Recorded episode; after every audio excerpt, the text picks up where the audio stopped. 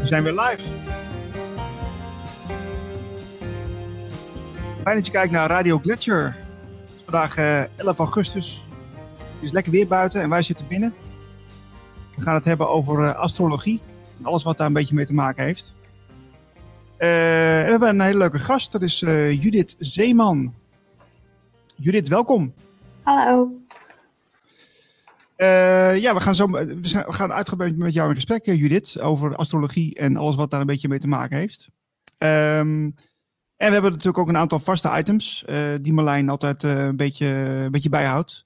En dat zijn de UFO's en dat zijn de graancirkels die we wel eens laten zien. En Marlijn, hoe zit jij erbij eigenlijk vandaag? Hoe zit ik erbij vandaag? Ja. nou, net zoals gisteren. Eh, maar we hebben wat eh graancirkels eh, in Senegal. En hoe dat verder zit, zullen we zo zien. Ehm, we hebben rare UFO-dingetjes in de lucht. En dat, dat, dat lijkt op een soort vuur. En dat splitst zich, dat hebben we zo meteen. En we hebben, ja, we hebben veel astrologie natuurlijk. Dus ehm, misschien, misschien gaan we ook even kijken wat we met zo'n geboortechart kunnen doen. En hoe we dat moeten zien en lezen en eh, al dat soort dingen. Ja, dat is heel interessant. Ik heb ook eh, een paar jaar geleden een boekje gekocht van eh, Juliana McCartney. Misschien dat, dat Judith haar wel kent. Ik zal het boekje even omhoog eh, houden. Eigenlijk een moderne gids voor astrologie. moderne astrologie. En dat ja, als je, als je er helemaal niks van weet, een leek zoals ik, dan is het leuk om te lezen. Dan is het wel vermakelijk. Maar ik, misschien, ik vermoed dat, dat het voor Judith wel wat kinderspel is. Eh, maar Judith, eh, wat leuk dat je er bent. Ehm, ja, j- j- jij vertelde mij een tijdje terug dat je. eh, ja, want ik ga tegelijk even een beetje de diepte in. Dat vind ik wel leuk. Dat je toch een beetje de hele, de hele situatie waar we nu in zitten, toch al een beetje had voorzien, hè? Nou, niet letterlijk, maar ik wist wel dat er een aantal dingen stonden te gebeuren, ja. En ehm, ik wist ook wel vanaf welke datum dat zou gaan gebeuren, ja. Oké. Ja, ik ben dan heel benieuwd van hoe, eh, hoe werkt dat dan? Hoe kun je dat dan eh, zien? Kun je, daar, kun je iets over zeggen? Eh, ja, we kunnen meteen eh, naar een vrij moeilijk onderwerp toe gaan, Niels. Dat is helemaal goed. Ehm, ja, het ligt een beetje aan ehm, eh, planeetstanden natuurlijk, hè, want die hou je in de gaten als astroloog. En de planeetstand eh, waar ik het nu over heb, is de eh, conjunctie tussen Saturnus en Pluto. En ehm, wanneer de conjunctie in Saturnus en Pluto is, ja, dan heb je over het algemeen te maken met eh, historische perioden die bijzonder uitdagend zijn geweest. eh, waar een intense contractie plaatsvindt, eh, internationale crisis, ehm, het versterken van reactieve krachten in de maatschappij, soms meer totalitaire eh, systemen die eh, beginnen te, te beginnen veranderen. Ehm, en dat heeft dus te maken met de energieën van die twee planeten.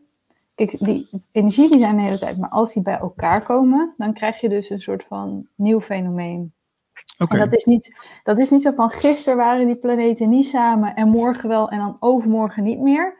Nee, de planeten, vooral de buitenste planeten, die bewegen echt heel langzaam. Dus ehm, dat is eigenlijk een soort van gradueel gebeuren, waarin het hoogtepunt is dan de conjunctie zelf, dus de samenkomst zelf. En je leeft naar dat moment toe en je leeft er weer van af. Dus dat is niet zo van knip en het is voorbij. Nee, je weet dat, dat die energie aan het opbouwen is en dat er dan bam. Dat, je dingen, dat dingen zichtbaar gaan worden. En dat heeft een hele lange uitroltijd. Ehm, en ja, ehm, Saturnus, die staat eigenlijk voor alles eh, wat te maken heeft met de status quo. eh, status quo, eh, verantwoordelijkheden nemen, alles met overheden. Ehm, het heeft ook te maken met de dood, ehm, constricties.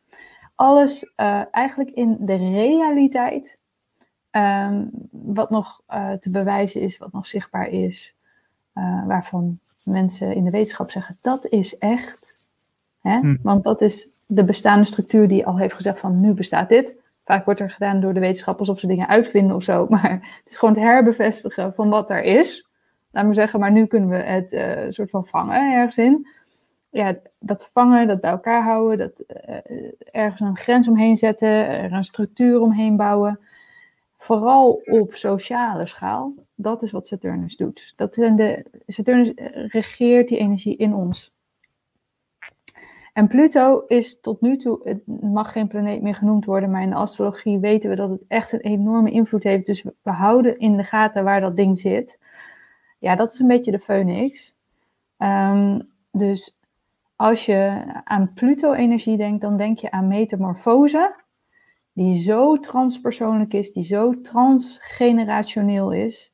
Dat, dat is eh, voor de geschiedenisboeken, laat maar zeggen. Dat is Um, het, het, duurt een tijd voordat die verandering plaatsvindt, maar het is een, een, een totale culturele splitsing, een totale verandering van zowel onze geloofsovertuigingen als hoe um, wij samenleven met elkaar. Zo. En dat is eigenlijk het openen naar dat hogere transpersoonlijke weten, dat dus voorbij dat realisme van Saturnus ligt naar een veel diepere waarheid, onze zielswaarheid zou je die mogen noemen, wat voor naam eraan wil geven. En um, ja, dat vraagt er dus om dat alles wat Saturnus niet vasthoudt om te beschermen, maar eigenlijk tegenhoudt in de groei, om daar Saturnus als het ware weg te gaan drukken en zeggen: nee, het is mooi dat je het vasthield, dat je bij elkaar hield, hè? dat is ook belangrijk. Structuren zijn belangrijk, maar nu is het te beperkend geworden. Dus Voordat je uh, de geboorte hebt, heb je in het Engels de labor. Dus het geboorteproces, het bevallen. En de labor, dat is wat Saturnus en Pluto samen zijn. Dat is het harde werken voordat er iets nieuws is. En dat is pijnlijk en dat gaat met veel schreeuwen. En het ziet er niet mooi uit en het is bloederig. En er komt gezeik van en je weet het. Maar daarna heb je wel weer iets echt nieuws.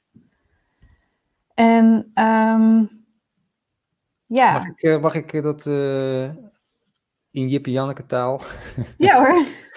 um, is het zo dat die, wat je zegt, die zitten dan bij elkaar, die zijn conjunct, ja, Saturnus en Pluto. Ja. Is dat dan dat, dat die, uh, want ze hebben allemaal, allemaal zo'n baan. Ja. Is dat, dat dan, gaat het dan om het punt dat ze het dichtst bij elkaar zitten? Ja, dus ze, ze, ik, um, dit zou een moment zijn dat ik even het scherm kan laten zien. Okay, hoor. Dan weten we waar we het over hebben. Even kijken. Uh, dat is fijn, want eh, Judith heeft dus ook een uh, scherm af en toe. Dan kan ze even schakelen en dan, dan zien we het ook in beeld. Dat is, dat is voor, voor, de kijkers ook wel fijn. Even kijken. Dan gaan we gewoon even voor, voor ons beeld. Gaan we naar 12 januari 2020. Want toen vond dit plaats. En wat je hier zo ziet is dat Saturnus, dat is dit tekentje, en dit is Pluto, dat die allebei op 22 graden stonden. Toevallig vond Mercurius het ook nog eens een keer belangrijk om er overheen te gaan. De zon dacht, ik doe ook nog even mee. En toevallig hadden we twee dagen daarvoor hadden we ook nog de oppositie van de maan en uh, de zon heel dichtbij de uh, polen van, uh, ik kan ook wel gewoon even twee dagen, oh, dit zijn de maanden ik kan wel even twee dagen naar achter gaan, want anders dan is het zo visueel onzichtbaar. Uh, als dit gebeurt, als de zon bij de nodes staat en de, en de maan bij de nodes, dan, uh, dan heb je een eclips. Dus twee dagen voordat dat punt samenkwam, hadden we een eclips. Nou, dat is wel een hele heftige energie. Vervolgens hebben we twee dagen later hebben we de exacte conjunctie tussen Saturnus en Pluto. En ze staan bij elkaar vanuit het gezichtspunt van, uh, van de aarde. Dus als je vanuit de aarde naar buiten kijkt, dan kijk je naar Saturnus en precies daarachter ligt Pluto. Nou, dat zie je dan niet meer, want die ligt letterlijk achter uh, Saturnus. Dus Saturnus is heel groot, Pluto is heel klein. Uh, maar die energieën, die lijnen, die, die line-up, die, die schijnen in één rechte beweging door naar jou. En aangezien de zon dus ook nog even een partijtje meedeed, was het echt een hele, hele sterke um, energie, waarin dus die transformatie plaatsvond. Ja, want wat je, je zegt... Een ja. Pluto-eclips eigenlijk. Uh, ja, er was dus, dus uh, dat zou je zelfs, nou, een eclips kan alleen maar bij de zon en de maan, laat maar zeggen, maar die, die kwam, die viel dus samen met dit hele fenomeen. En ehm, ja, uh, laat ik het zo zeggen, dat waren gewoon, uh, dat was een heel heftig weekend. Want de eclipse was op een vrijdag, de zaterdag ertussen mm, was het nog steeds ook wel heftig. En op die zondag, ja, kijk, ik leef ermee, dus ik heb natuurlijk heel bewust uh, mijn dagen ingedeeld. Um, maar in de wereld uh, was uh, 12 januari het moment dat uh, COVID-19 echt ehm, gevangen was als een, als, een, als een soort ziekte. Dus dat ze, toen zijn ze achtergekomen wat die Chinezen eigenlijk hadden. Dat was precies op die dag. En het liep er natuurlijk al naartoe, want er waren natuurlijk al heel veel Chinezen waren ziek. Maar op dat moment hadden ze dat dus um, precies die dag hadden, waren ze achter, oh, dat is waar die mensen last van hebben en dat is waarom we zoveel zieken hebben. Maar we moeten niet vergeten dat op 8 januari um, hebben, was het Maxit. Dus toen uh, is uh, Meghan Markle en, en Prins Harry, die hebben afstand genomen van de troon. Wat een hele rare beweging is, wat je nooit ziet gebeuren. Um, van het Koningshuis, moet ik natuurlijk ja, zeggen. Ja, ja. Um, uh, waar ik zelf meer bang voor was, want vaak is er heel veel sociale onrust van internationale dimensies. Ik zat gewoon meer op een oorlog te wachten op dat moment waren er ook heel veel spanningen tussen Amerika en Iran, omdat Trump zichzelf eerst niet kon inhouden. Dus ik zat eigenlijk meer zo van, hmm, gaan we iets met oliegedoe krijgen of zo? Of wordt het nu echt, weet je wel, als er geen olie meer is, dan zul je zien dat hier de boel niet bevoorraad wordt. Dus dan gaan, dan gaan opeens alle Albert Heijnen dicht, weet je wel. Um, dus ik had natuurlijk tegen mijn ouders al van tevoren gezegd al veel te veel van tevoren dat ze extra wc-papier moesten inkopen en gewoon die basisdingen in huis moesten hebben. Uh, en ik heb ook gezegd, het kan zijn dat dingen uit China niet aangeleverd zullen worden. Ik, dat zei ik al in december. Um, dus bestel nu een computer, bestel nu, uh, of ga nu naar de Action en koop je shit. Want ik denk niet dat de Action de hele tijd open zal zijn. Ik heb het echt gezegd van tevoren. Ja, ja, ja. ja. Um, uh, dus um, Kijk, het zijn natuurlijk heel onbelangrijke dingen in the great scheme of things, als je er nu over nadenkt. Maar dit is natuurlijk wel waar mensen mee hebben gezeten. Dat uh, bepaal, bepaalde winkels opeens dicht waren. En dat was dan misschien niet om een olieoorlog, maar de energie neeg gewoon heel erg naar dat, dat er dus een enorme contractie zou zijn. Dus dat dingen niet beschikbaar zouden zijn. Want dat doet Saturnus, die maakt die contractie heel groot. Uh, en Pluto die maakt dat uh, in, een, in een soort van helachtige manier. Nou ja, we hebben allemaal in lockdown gezeten. We weten allemaal wat dat nu sociaal betekent. Uh, we weten wat het betekent voor de jeugd vooral. Ehm, het, het, het, voor sommige mensen lijkt het misschien een kleinigheid dat we binnen hebben gezeten. Maar ik denk dat in de realiteit is dat we daar nog vele jaren um, de sociale gevolgen van gaan zien. Ik heb een vraagje, uh, Judith. Want uh, uh, je, hebt dus, je ziet die, die, planeten, die staan dus bij elkaar in het schema wat je nu hebt staan. Ja. maar hoe weet je nou, hoe, kun je, hoe vertaal je dat dan naar, naar onrust, maatschappelijke onrust? Want, dat, want dat, dat is best wel concreet. Hè? Dit, is dus een, dit is dus iets wat je laat zien, een schema. Maar hoe, hoe, hoe, hoe, hoe werkt het concreet door in, in, op aarde? Nou, kijk, je kijkt gewoon naar wat heeft bijvoorbeeld de interactie tussen Saturnus en Pluto, wat heeft dat eerder gedaan? Daardoor weet je dat, want je doet gewoon historisch onderzoek. Nou, uh, Saturnus die hoeft niet alleen conjunct te staan, die kan ook bijvoorbeeld in oppositie staan, dus lijnrechter tegenover. Zal ik even een andere datum invoeren voor je? Um, misschien een datum die je enigszins bekend voorkomt. We hebben 6 januari ook nog, hè? Dat was dat, die bestorming van. Uh, ja, maar ja, dat, dat, dat ligt allemaal, laten we zeggen, onder dezelfde invloed. Uh, maar dat, uh, was dat niet een jaar later? Sorry dat ik het zeg. Oh ja, dat was dit jaar. Ja, dat was, dat was dit jaar, ja, dat klopt. Ja. Um, nou ja, kijk, dit is de kaart van 11 september 2001. Dus een soort van iconische datum, laat maar zeggen. um, ik zal eventjes. Um, eventjes alleen even de buitenste planeten laten zien. Dan wordt het even ietsje duidelijker hoe het ervoor staat. Maar hier staat Saturnus recht tegenover Pluto. Was ook geen lekkere energie. Was ook een heleboel sociale onrust van internationale uh, proporties. Um, dus uh, laten we het zo zeggen, dat is dan een voorbeeld. Um, de laatste keer dat Saturnus en Pluto in conjunctie waren in het teken van Steenbok, want dat is ook nog belangrijk. Dat was in uh, 1518. En dan denk je, goh, 1518, wat gebeurde er toen allemaal? Um, nou, dat uh, was de tijd van uh, Henry VIII in, in, in de UK. En het was de tijd van de Reformatie. In januari 2015 uh, werden de teksten van Luther vertaald in het, in het Duits. dat zijn die, die teksten die hij een paar maanden eerder op de deur spijkerde, waardoor dat hele katholieke um, manier van omgaan met mensen en ze de hel aanpraten en ze maar geld laten betalen en aflaten, dat die corruptie in de kerk opeens heel erg ter sprake kwam. En um, Henry VIII die heeft dus ook besloten om dus het katholieke geloof gewoon aan de kant te zetten en het hele land te dwingen om protestants te worden. Moet je even voorstellen. Um, dus het is van die dimensie. Maar ik heb er nog één voor je. Dat was wel in het teken van leeuw, maar desalniettemin in het jaar uh, 476 in augustus um, denk je, goh, wat speelde er toen allemaal zo? Ja, dat was dus het einde van het Romeinse Rijk. Even een dingetje. Uh, even een dingetje. Even, een dingetje wat toen ook aan de hand was. Ja, dus ja. wat je ziet is dat, dat, je, dat er dus uh, op dat moment zelf, is niet de dag dat de, de, de, de, gebeurt. Kijk, dat ze erachter zijn gekomen dat COVID het ding was.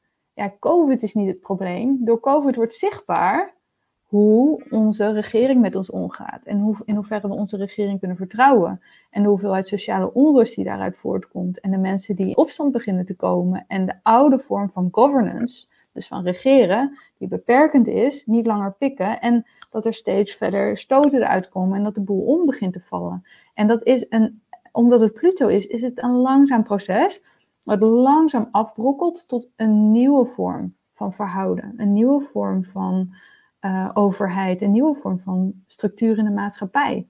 En dat is heel belangrijk dat het gebeurt, maar Saturnus laat zichzelf niet zomaar opzij zetten. Dus vaak moet er echt iets, toch iets vervelends gebeuren.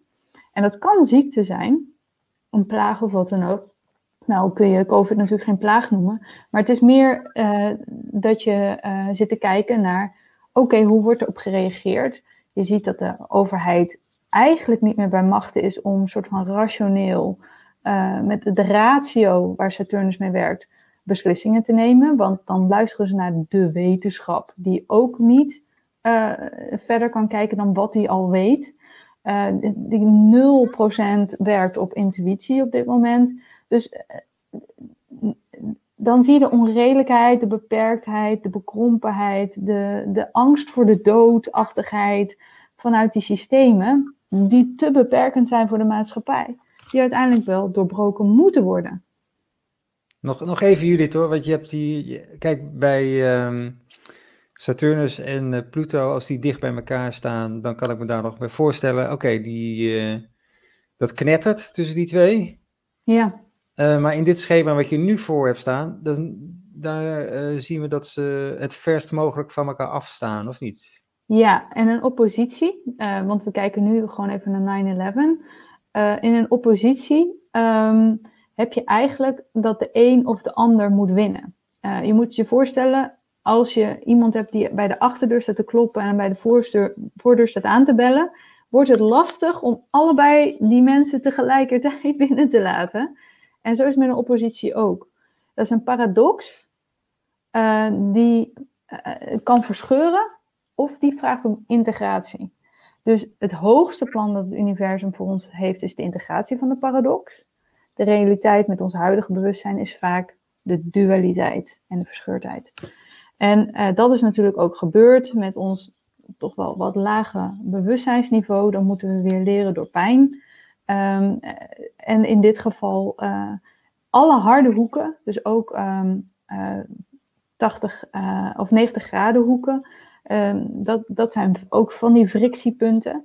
Het, de ergste ontploffing is meestal bij, dus bij die conjunctie. En je, je gaat dus de hele tijd door een cyclus waarin de hele tijd de aarde natuurlijk en het bewustzijn vooruitgeduwd wordt. En er moeten momenten van verandering zijn. En uh, ja, het duurt gewoon uh, heel, heel, een hele tijd voordat uh, die conjuncties toevallig weer plaatsvinden. Dus daardoor is het niet constant aan de hand. Dat zou ons bewustzijn ook niet aankunnen als het gewoon constant dit gezeik is. Laat maar zeggen, zoals we het nu hebben met COVID. Um, je hebt ook tijden van integratie nodig. Je hebt ook tijden van heropbouw nodig. Van inspiratie, van liefde, van um, dieper, heel zacht inzicht. Uh, dat echt op het meest subtiele niveau plaatsvindt, waarin dat belangrijk is dat dat groeit. Um, dus um, ja, voor alles is zo zijn tijd. En dat is eigenlijk wat de astrologie zegt. Het gaat allemaal over timing. Ja, want, want je vertelt ook dat, dat Pluto dus ervoor zorgt dat het, dat, hè, dat, het nu samen met Saturnus die conjunctie die, conjunctie die plaatsvindt. Maar is, en Pluto zorgt ook voor dat het langzaam duurt. Hè? Of, ja. Dus je moet je voorstellen, Pluto is in 2008 uh, in het teken van Steenbok gekomen. Um, het gaat eruit in 2024. Dus Saturnus is nu die diepe phoenixachtige transformatie aan het maken in het teken dat überhaupt uh, geregeerd wordt door Saturnus. Dus Saturnus is daar thuis. En dat gaat echt over alles wat te maken heeft met je uiterlijke status, waar je in gezien wordt in de maatschappij, je carrièrepad, je, um, nou ja, het, het, hoogste punt dat je kan bereiken in je leven waar mensen je van kennen. Dat kan zelfs buiten je carrière zijn, maar stel dat je vanuit liefdadigheidswerk goed werk doet, dan kan je daar heel bekend om komen te staan. Um, de dingen waar ze op je begrafenis nog over zullen praten, um, die dingen, daar gaat Saturnus over. Je status in de maatschappij. En uh, Pluto is ons besef van wat status inhoudt, of wat van waarde is om bekend om te staan, diep aan het transformeren op dit moment. En dat duurt nog tot 2024. En dan denk ik, omdat Saturnus dan naar het teken van de waterman gaat, dat een veel revolutionairder teken is, zullen we tekenen gaan zien van nieuwe impulsen voor een nieuwe vorm van maatschappij. Dan begint dat langzaam op te bouwen. Maar dan moet je wel voorstellen dat het in de eerste graden daarvan. Uh, en dat is dan ook weer een proces van, uh, wat zal het zijn, 16 jaar of zo, waar we dan doorheen gaan. Dus daar moet je ook nog geen grote, abrupte sprongen van verwachten. Maar dan zul je die diepgravende transformatie pas zien. En nu zijn we nog echt aan het opruimen. Oké, Jeetje. Dus er nog wel even in. Ja, uh, en dat is maar goed ook, want uh, zoals je zelf ook wel weet, is het wel fijner als dingen een beetje na elkaar gebeuren en niet allemaal op dezelfde dag. Ik vind dat je het heel erg mooi en gedetailleerd uitlegt, Judith. Nou, dankjewel Nieuws. ja, nee, nee, zeker. En het is, ik kan me ook zo voorstellen als je met deze materie bezig bent, dat je dit, dat het heel erg, ja, best wel uh, spannend is om het elke dag een beetje bij te houden. Hè? Want het, zegt heel, heel veel over jezelf natuurlijk. Nou, de, de world transits, of de wereldtransities, waar we nu naar zitten te kijken, dat is één ding wat je kan bijhouden. En dat doe ik ook voor mijn yogalessen. Dat mensen een beetje kan vertellen in general, hè, van let deze week eens op dit soort energie. Kijk daar eens naar. Stel jezelf eens zo'n vraag, weet je wel. Um, maar hoe die planeten inwerken op je persoonlijke astrologie, dat is weer een heel specifiek spelletje. En daarin ga je ook zien dat sommige transities, die wereldtransities, op jou persoonlijk minder impact hebben dan uh, op andere mensen. En dat komt omdat zij niet geactiveerd worden door de huidige wereldkaart. Um, soms word jij persoonlijk echt onwijs geactiveerd en dan opeens dat effect wat de wereld dus vraagt in zijn algemeenheid, dat begin jij opeens als persoon heel erg duidelijk te belichamen en uit te leven. Um, ik ben geboren rond, uh, of ik ben geboren in 1984. En uh, toen uh, we die harde hoek hadden, toen, of, toen we die conjunctie hadden, toen stond hij nog steeds in een harde hoek op mijn, op zo'n 90 graden hoek, op mijn astrologie. En ook het jaar daarvoor al. Dus ik, ik ging al een hele tijd door die transformatie heen. Uh, voor, mij persoonlijk heeft dat een, waarschijnlijk een veel grotere invloed gehad eh, dan eh, op mensen die eh, vijf jaar eerder zijn geboren dan ik. Of ik kan beter zeggen, vijf jaar later dan ik. ja. Oké, oké, oké. Ehm, Marlijn, jij had een idee om, om, om, iets met onze horoscopen te doen, hè?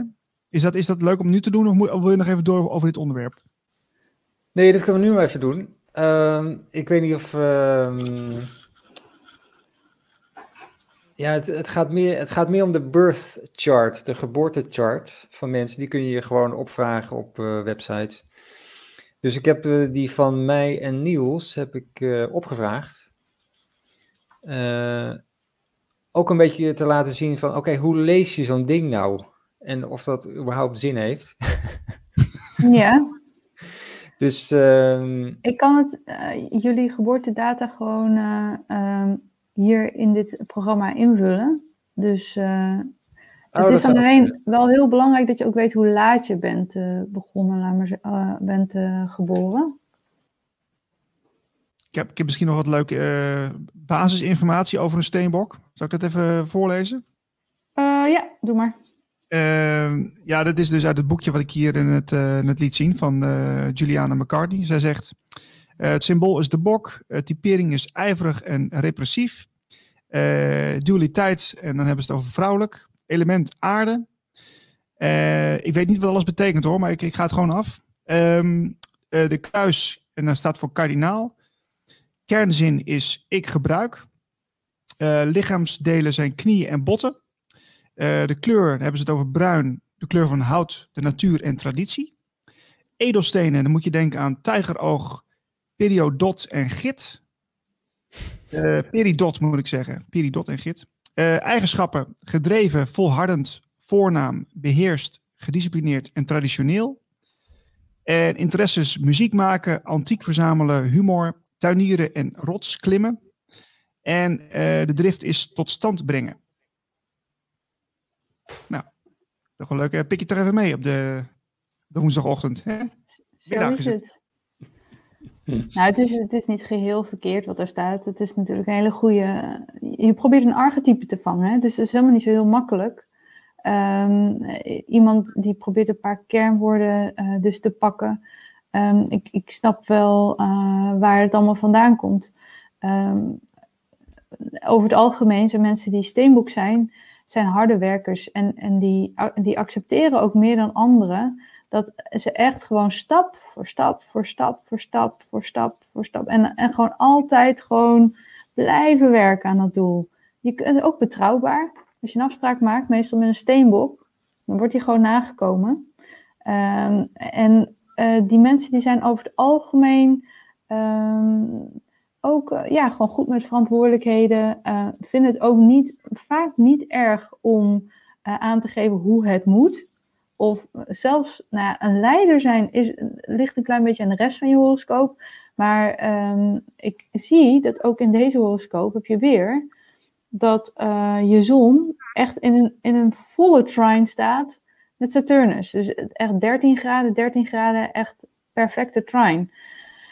En dat betekent dat jij uh, ja, op een hele positieve manier beïnvloed wordt in je uh, steenbok zijn door de planeet die dat teken regeert. Um, hier, als Saturnus hier in, uh, in maag staat, betekent dat je ook nog eens heel goed bent met gewoon netjes de details nalopen. het, moet, het moet echt gewoon allemaal kloppen. Dus er wordt niet zomaar een, een, een, een careless beslissing genomen. Nee, je moet, gewoon uh, met zorg, ook voor de mensen om je heen en ook voor je lichaam, um, worden beslissingen genomen. Gezondheid is belangrijk. Um, uh, stelt ook grenzen op het, op het gebied van gezondheid. En um, ja, ik, ik, kan me niet voorstellen, Marijn, dat jij iemand bent die, die zich heel erg makkelijk laat gaan in van alles en nog wat. Uh, nee, je weet gewoon ook wel wat de grens is. Je weet ook wel gewoon wanneer je moet stoppen. Je weet wanneer je uh, je beloftes hebt gemaakt en je komt ze na. Zo'n zo'n type zou je dan zijn. Maar je, je, je, kijkt nu als eerste naar waar de zon staat in zo'n schema. Nou ja, in feite is dat uh, um, is een van de belangrijke factoren. Maar eigenlijk, gezien jij je tijd mij, aan mij hebt gegeven, is wat, wat wel fijn is hier. Dit eerste teken is waar je um, je ascendant in staat. Even kijken, misschien dat ik die ook nog eventjes kan laten zien. Ja, en ascendant, dat, dat, tenminste wat ik er nog van begreep, dat is, dat is het tegenovergestelde van jou. Hè? Iemand die, die ja, Zeg ik dat, goed? Nee, dat is je descendant. Dat is deze hier ook. Uh, even deze even weg. De descendant is wat er tegenover je staat. Descendant staat altijd in je zevende huis. Ook je huis van relaties. Uh, de ascendant um, staat uh, bij je, is je, is je persoonlijkheid. Hoe je gekend wordt in de maatschappij. Um, waar, waar mensen die je niet belachelijk goed kennen, je als persoon kennen. Um, dat zijn niet je diepste relaties, dat is gewoon je publieke gezicht. Daar kom je ook Saturniaans over. Je noordernode ligt daar ook, vrij dicht op je ascendant. Um, dus dat betekent ook dat een heel groot deel van waar jij naartoe aan het bewegen bent in dit leven, is om zoveel mogelijk van die Saturnus-energie te integreren in je leven. Uh, toevallig dat we net het over Saturnus hebben gehad en uh, dat dat ook zo belangrijk is voor jou, Marlijn. Um, ja, de descendant en in je zuidernode in het teken van vissen. Ja, wat ik daar dan over zou kunnen zeggen is um, dat je in je vorige leven waarschijnlijk heel veel bezig bent geweest met het, uh, met het thema uh, spiritualiteit. Uh, daar heel veel van geleerd hebt. Um, en dat het, je in dit leven wordt gevraagd om dat zo praktisch mogelijk te maken. Dus dat hier te gaan doen. Niet te veel in het, in het klooster, in het, in het bijna onzichtbare. Nee, het meest praktische, alledaagse dat het belangrijk is eh, voor jou in dit leven om dat zoveel mogelijk echt wortels te geven.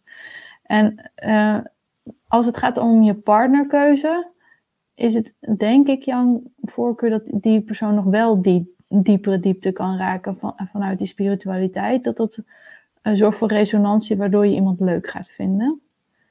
Um, ja, dat, uh, dat kan ik daar even over zeggen.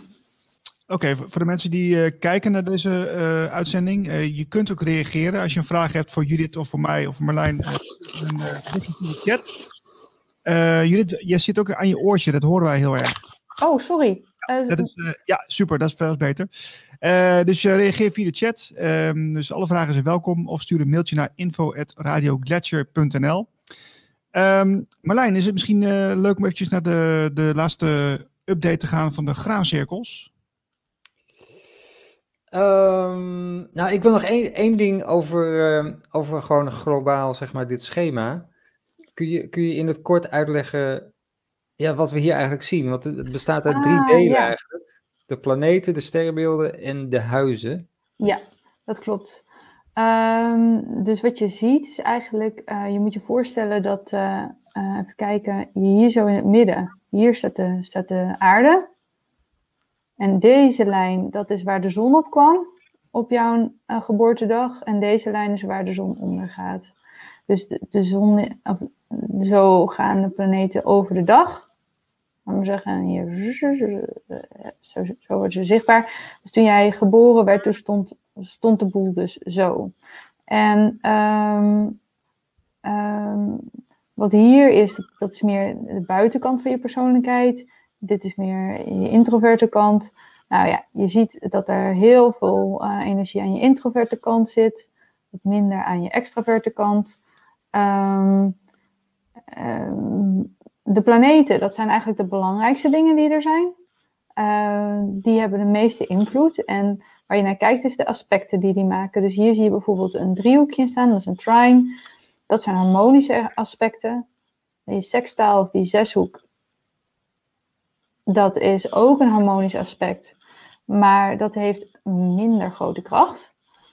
Uh, hier zie je een, uh, vierhoek staan, dat is zo'n square. Uh, jij hebt, uh, uh, nou ja, je hebt natuurlijk een duidelijke oppositie altijd tussen je ascendant en decedent, maar omdat dat, dat is gewoon zo, dus daar gaan ze geen lijntjes aan zitten geven. dat is er recht tegenover, dat is ook een spanningsvolle lijn. En je hebt stelliums, en dat, zou, dat is op het moment dus dat je meer dan drie dingen bij elkaar hebt staan. Dit zijn geen planeten, dit is je descendant.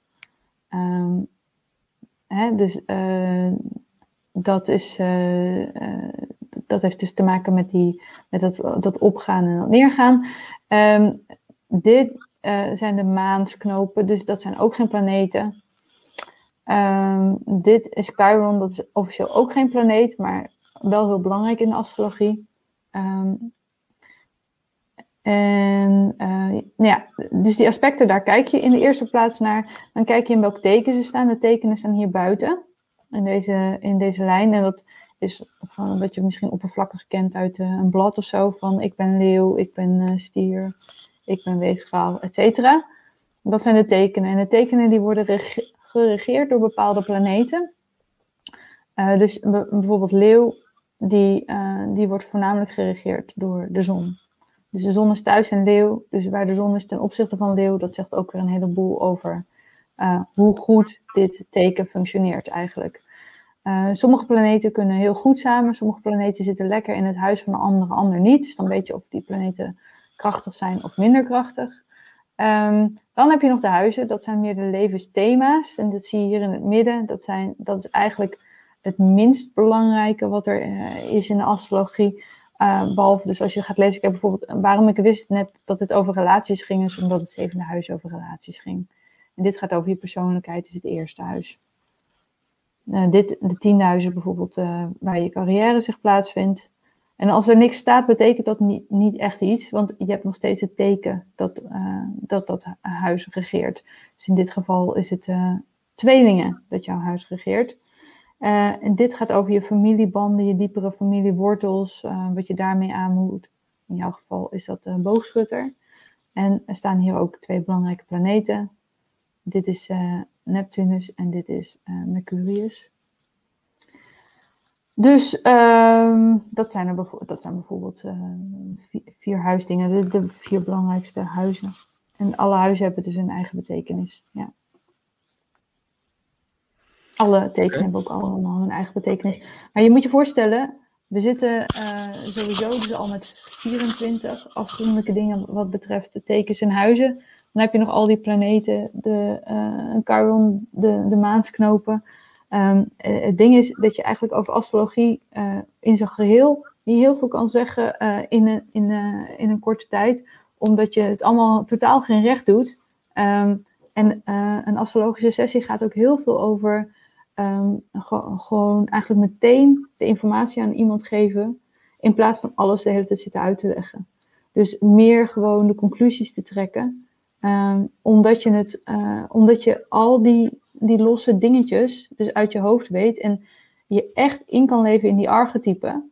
Uh, dus wat Niels net voorleest is dan een, een korte beschrijving van um, Steenbok van iemand.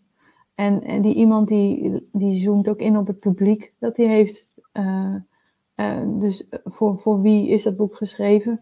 En dan, ja, dan kan het dus zijn dat iemand dat archetype ernstig tekort doet als het echt om jou persoonlijk gaat. Uh, en in gesprek met een astroloog kom je vaak ook in gesprek, laat maar zeggen, steeds verder, steeds dieper tot ook de betekenis en de oproep van jouw geboorte, dus jouw doel hier op aarde, waardoor je dat voor jezelf gewoon steeds helderder krijgt. En een mooie bijvoorbeeld is, kan ik ook nog even laten zien, uh, gaan we hier naartoe, doe ik, uh, in deze doe ik dan zie je dus, bijvoorbeeld hier zie je alle transities van Merlijn. Dus je ziet, ik kan nu gaan kijken van, goh, eh, welke uh, planeten worden het meest geactiveerd voor Merlijn op dit moment, et cetera, bla bla bla. En dan kun je zien welk deel van die levensmissie op dit moment het meest actief is. Ah, interessant. Ja, heel interessant.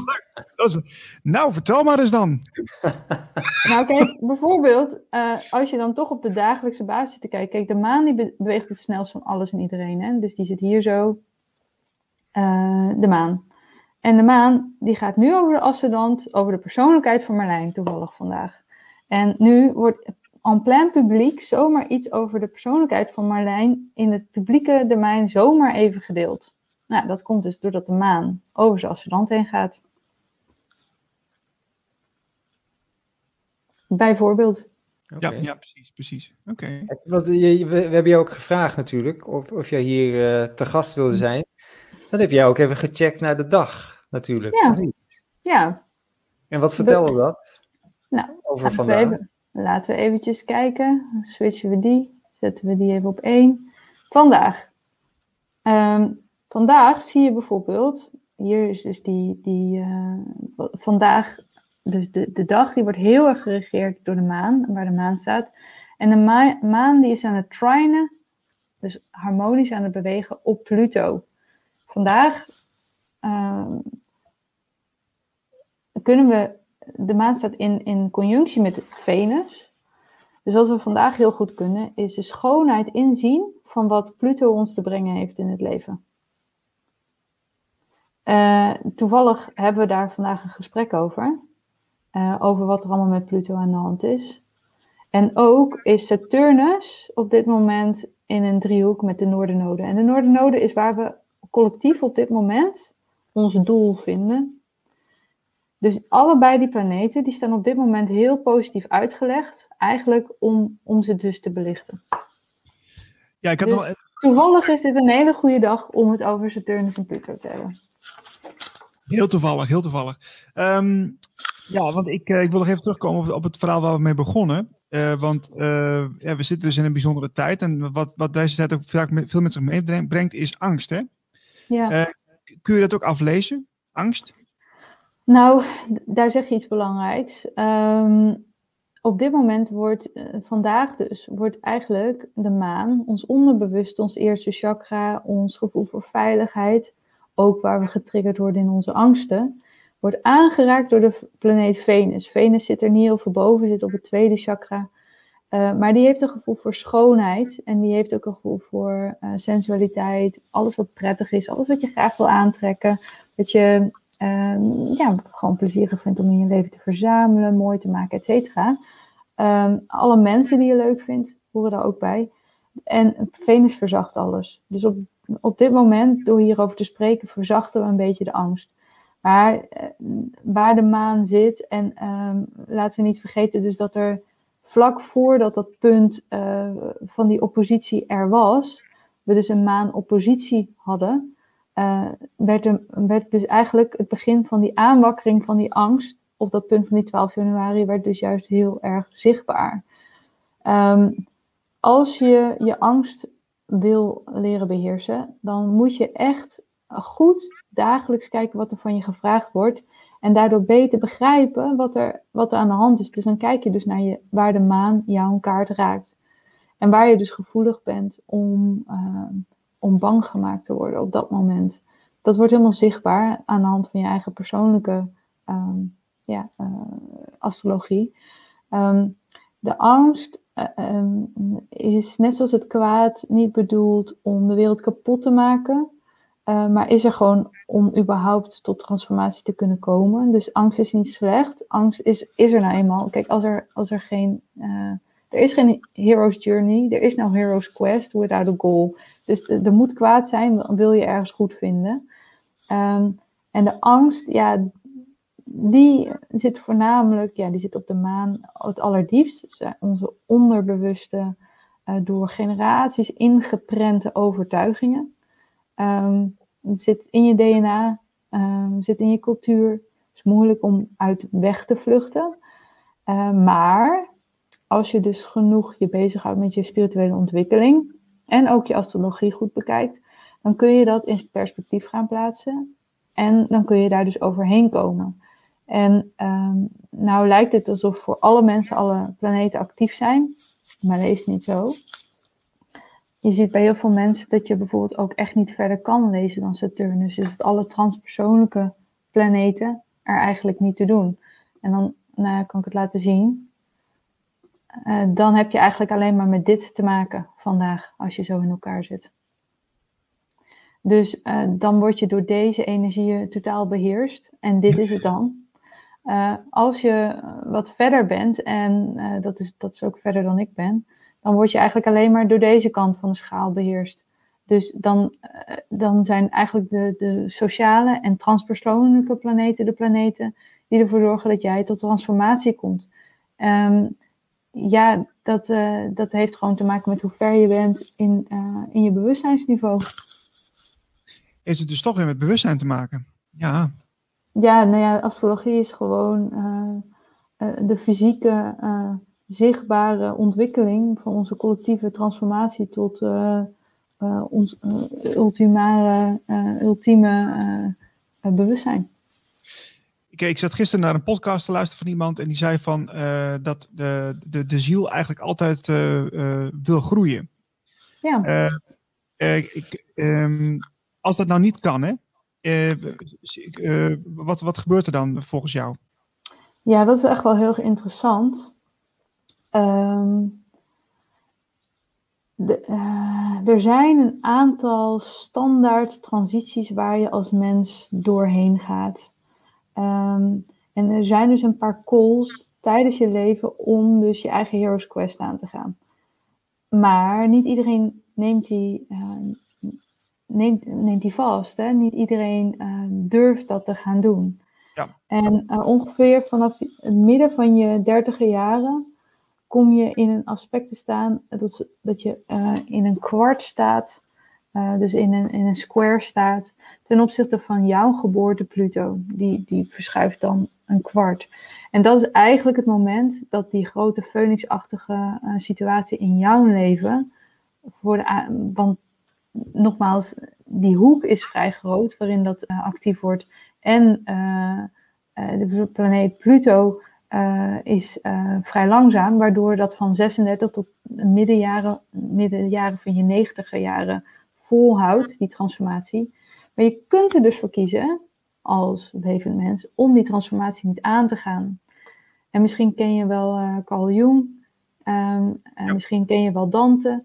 Uh, die geven allebei aan dat in het midden van mijn leven, zo begint uh, Nel net zo, uh, zo begint zelfs het hele boek van Dante, de Divine Comedy, dat vanaf dat moment is die ingang tot die, transpersoonlijke hoogte is mogelijk. Als je dat niet doet, begin je vanaf je 36e langzaam te sterven. En dan wordt de angst voor de dood steeds groter. Um, als je die ingang wel neemt, dan wordt de liefde voor die dood wordt steeds groter. Maar dat is een dood die de rebirth vraagt. De hergeboorte tijdens je leven op aarde. Ja, en eh, we leven nu in een soort van Christustijd. Dat is mijn overtuiging, waarom we nu in deze tijd zo uh, tot het puntje gedreven worden. Dat steeds meer mensen uh, gewoon hun eigen Christus moeten worden. En hun eigen mid 30 jaren transformatie moeten oppakken om in dit leven nog echt tot een meer dan een persoonlijkheid te worden. Echt een transpersoonlijk iemand te worden. En dat betekent in de concrete zin dat je gaat voelen dat je de ander bent. Dat je niet meer uh, alleen om je eigen belang kan geven, omdat dat eigen, dat begrip van eigen, steeds ruimer wordt. Eerst kan dat nog een soort van meer sociaal iets zijn, of dat je dat met je partner voelt. Maar via die stappen gaat dat steeds transpersoonlijker, totdat je voelt dat jij de hele humanitas bent, dat je de body of Christ bent en dat alle cellen van dat lichaam al die mensen zijn. En pas als je dat bewustzijn hebt bereikt, dat je iedereen tegelijkertijd kan voelen en dat je voor iedereen tegelijkertijd kan voelen en dat je doel dat is geworden, de verlichting van iedereen, dan pas bereik je een verlicht bewustzijn. Maar daar staan we nu nog zo ver vanaf want zelfs als je dat rationeel als een doel kan hebben, weet je wel, dan voel je dat nog niet als, als uh, weet je wel, als je aangevallen wordt. Nee, dit, maar dat is inderdaad een hele lange, lange weg. Want we hebben ook uh, uh, eerder deze week iemand te gast gehad. Dat was Joke Nauta. En daar vroeg ik ook aan van, je bent natuurlijk bezig om jezelf spiritueel te ontwikkelen met meditatie. En je hebt altijd die, die stemmetjes in je hoofd die dan roepen van, is het nou wel zo? Klopt dat nou wel? En toen vroeg ik ook van wanneer wordt het, is dat punt nou bereikt dat, dat je daaraan voorbij bent, weet je wel? Dat je, dat je, dat je echt gelijk in, in die, die stilte valt. En, en dat, dat we zo ver zijn dat we, dat we, we helemaal, helemaal meester over onszelf zijn. En uh, dat is best wel een lange weg volgens mij. Ja, en ik denk ook, voor mij is dat niet in dit leven, ga ik dat niet bereiken of zo. Dat, uh, die illusie heb ik totaal niet. Nee. Wat was trouwens, uh, wanneer ben je hiermee in, in aanraking gekomen met, met astrologie, Judith? Kun je daar iets over vertellen? Oh ja, dat is altijd zo'n moeilijk onderwerp. Hè? Want zelfs toen ik al heel jong was, kreeg ik wel eens een boekje over. Dus het heeft altijd wel ergens een beetje rondgezorgd voor mij dat ik het ben gaan geloven. Dat, of eigenlijk gaan zien dat het werkt. Hmm, ja, dat is eigenlijk uh, een beetje raar gegaan bij mij. Is eigenlijk via de tarot gegaan.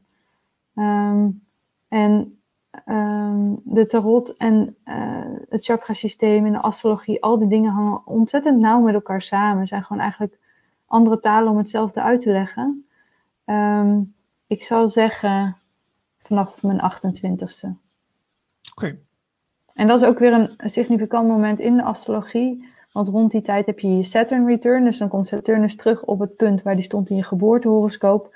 En dan ga je een nieuwe volwassen levensfase in.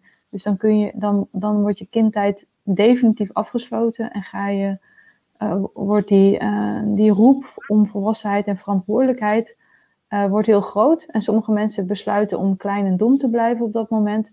Maar sommige mensen zie je dan echt een Dark Night of the Soul-achtige ervaring hebben. En die mensen, die gaan dan naar, die worden de leiders vanaf hun 36e in die transpersoonlijke ruimte. Interessant. Uh, jij wil even iets laten zien volgens mij. Hè? Ja, dit is een artikel Astrology and the 12 Steps Program. Programs. Uh, ik heb een heel klein stukje heb ik eruit gehaald. Um, en dat gaat inderdaad ook weer over uh, Carl Jung.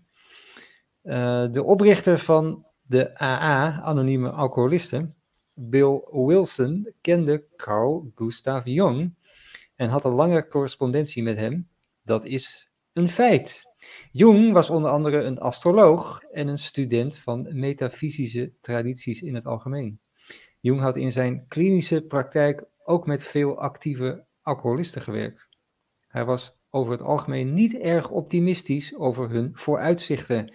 Hij voelde dat de enige hoop voor zo'n persoon lag in een soort spirituele bekering of verlichtingservaring, iets wat hij zelden tegenkwam. Jung ja. schreef aan. Ja? Ik, ik, ik, ik, uh, ik heb een tijdje Jungiaanse psychologie gestudeerd. Um, ik heb ook ietsje nauwkeurig gekeken in hoeverre uh, Carl Jung nou zelf eigenlijk een astroloog was. Daar wordt een beetje dik over opgegeven. Uh, het valt wel tegen, laat maar zeggen. Oké. Okay. Uh, nou, hij wist zijn eigen geboortekaart en hij heeft geprobeerd er van een aantal andere mensen uh, ook nog een beetje iets over te zeggen. Maar laten we, laten we het zo zeggen. Andere metafysische onderwerpen was hij veel beter van op de hoogte dan van astrologie. En um, Carl Jung was een man van zijn tijd. Um, hij heeft zijn eigen verlichtingservaring gehad uh, ten tijde van de Eerste Wereldoorlog. Carl Jung is ook heel ernstig blijven steken in zijn eigen ontwikkeling. Uh, ik bedoel, het was een man van zijn tijd. Hè? Dus we kunnen nu niet meer verder met het Jungiaanse denken. Die, die man die um, dacht in, heel erg in individuatie. Dus voor hem, zijn ontwikkelingsstap was zoveel mogelijk een af-ego te worden. Um, dat op zichzelf staat, dat aan zichzelf denkt. En dat is een uh, ontwikkelingsstap van het derde chakra. Is belangrijk, ga ik niet ontkennen. Maar voor deze tijd is dat een erg beperkte visie. Carl Jung had dan ook niets, maar dan ook niets in huis om alcoholisten daadwerkelijk te kunnen helpen. Oké, okay. jeetje, wat een statement. Oké. Okay. ja, is gewoon zo. Ja, nee, ik geloof je. Ik geloof je. Ik heb er niet zo in verdiept. Dus uh, volgende week hebben we ook nog iemand die daar uh, wel iets over weet. Dus uh, ik ben benieuwd hoe die daar dan weer naar kijkt. Um, ja. Maar Marlijn, we gaan verder. nou, we hoeven niet verder, want oh. het, is, het is verklaard. Nee, het artikel gaat ook vooral over de, de twaalf stappen. Dat, dat, er staat bij, beide omvatten, dus astrologie en de AA, met die uh, spirituele programma's. Beide omvatten een gefaseerde evolutie door twaalf opeenvolgende stappen en processen. Dus daar ging het, uh, daar ging het artikel over. Ja, nou kijk, Ehm, ik ken een paar mensen die met uh, die A-bewegingen te maken hebben gehad. En ik, ik zal absoluut zeggen dat het voor een aantal mensen echt bittere noodzaak is, laat maar zeggen. Uh, dus uh, niks ten opzichte van die, die A, A, A whatevers. je hebt er heel veel versies van, maar mensen kunnen aan heel veel verschillende dingen verslaafd zijn. Um,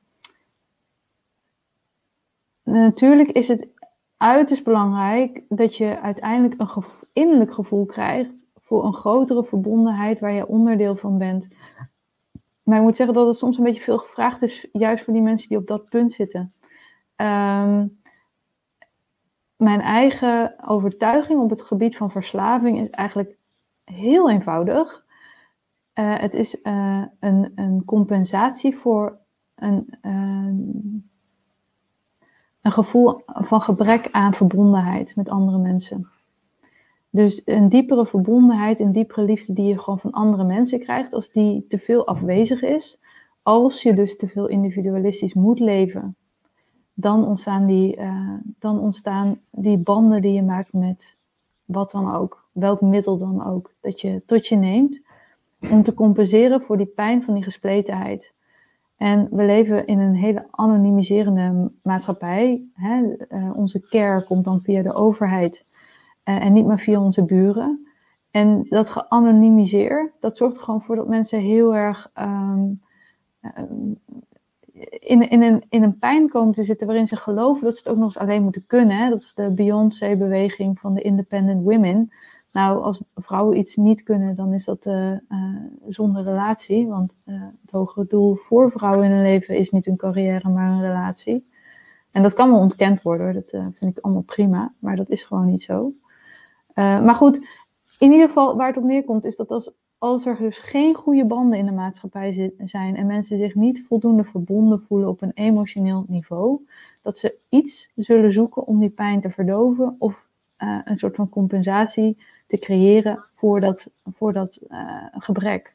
En totdat dat gewoon in den concreto um, opgelost is, zul je niet zien dat mensen blijvend van hun middelen af kunnen blijven.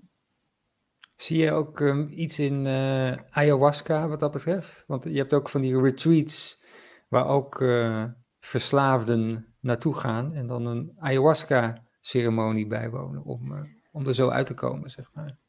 Um, Kijk, je kunt niet iedere ayahuasca-aangelegenheid uh, uh, over één kam scheren.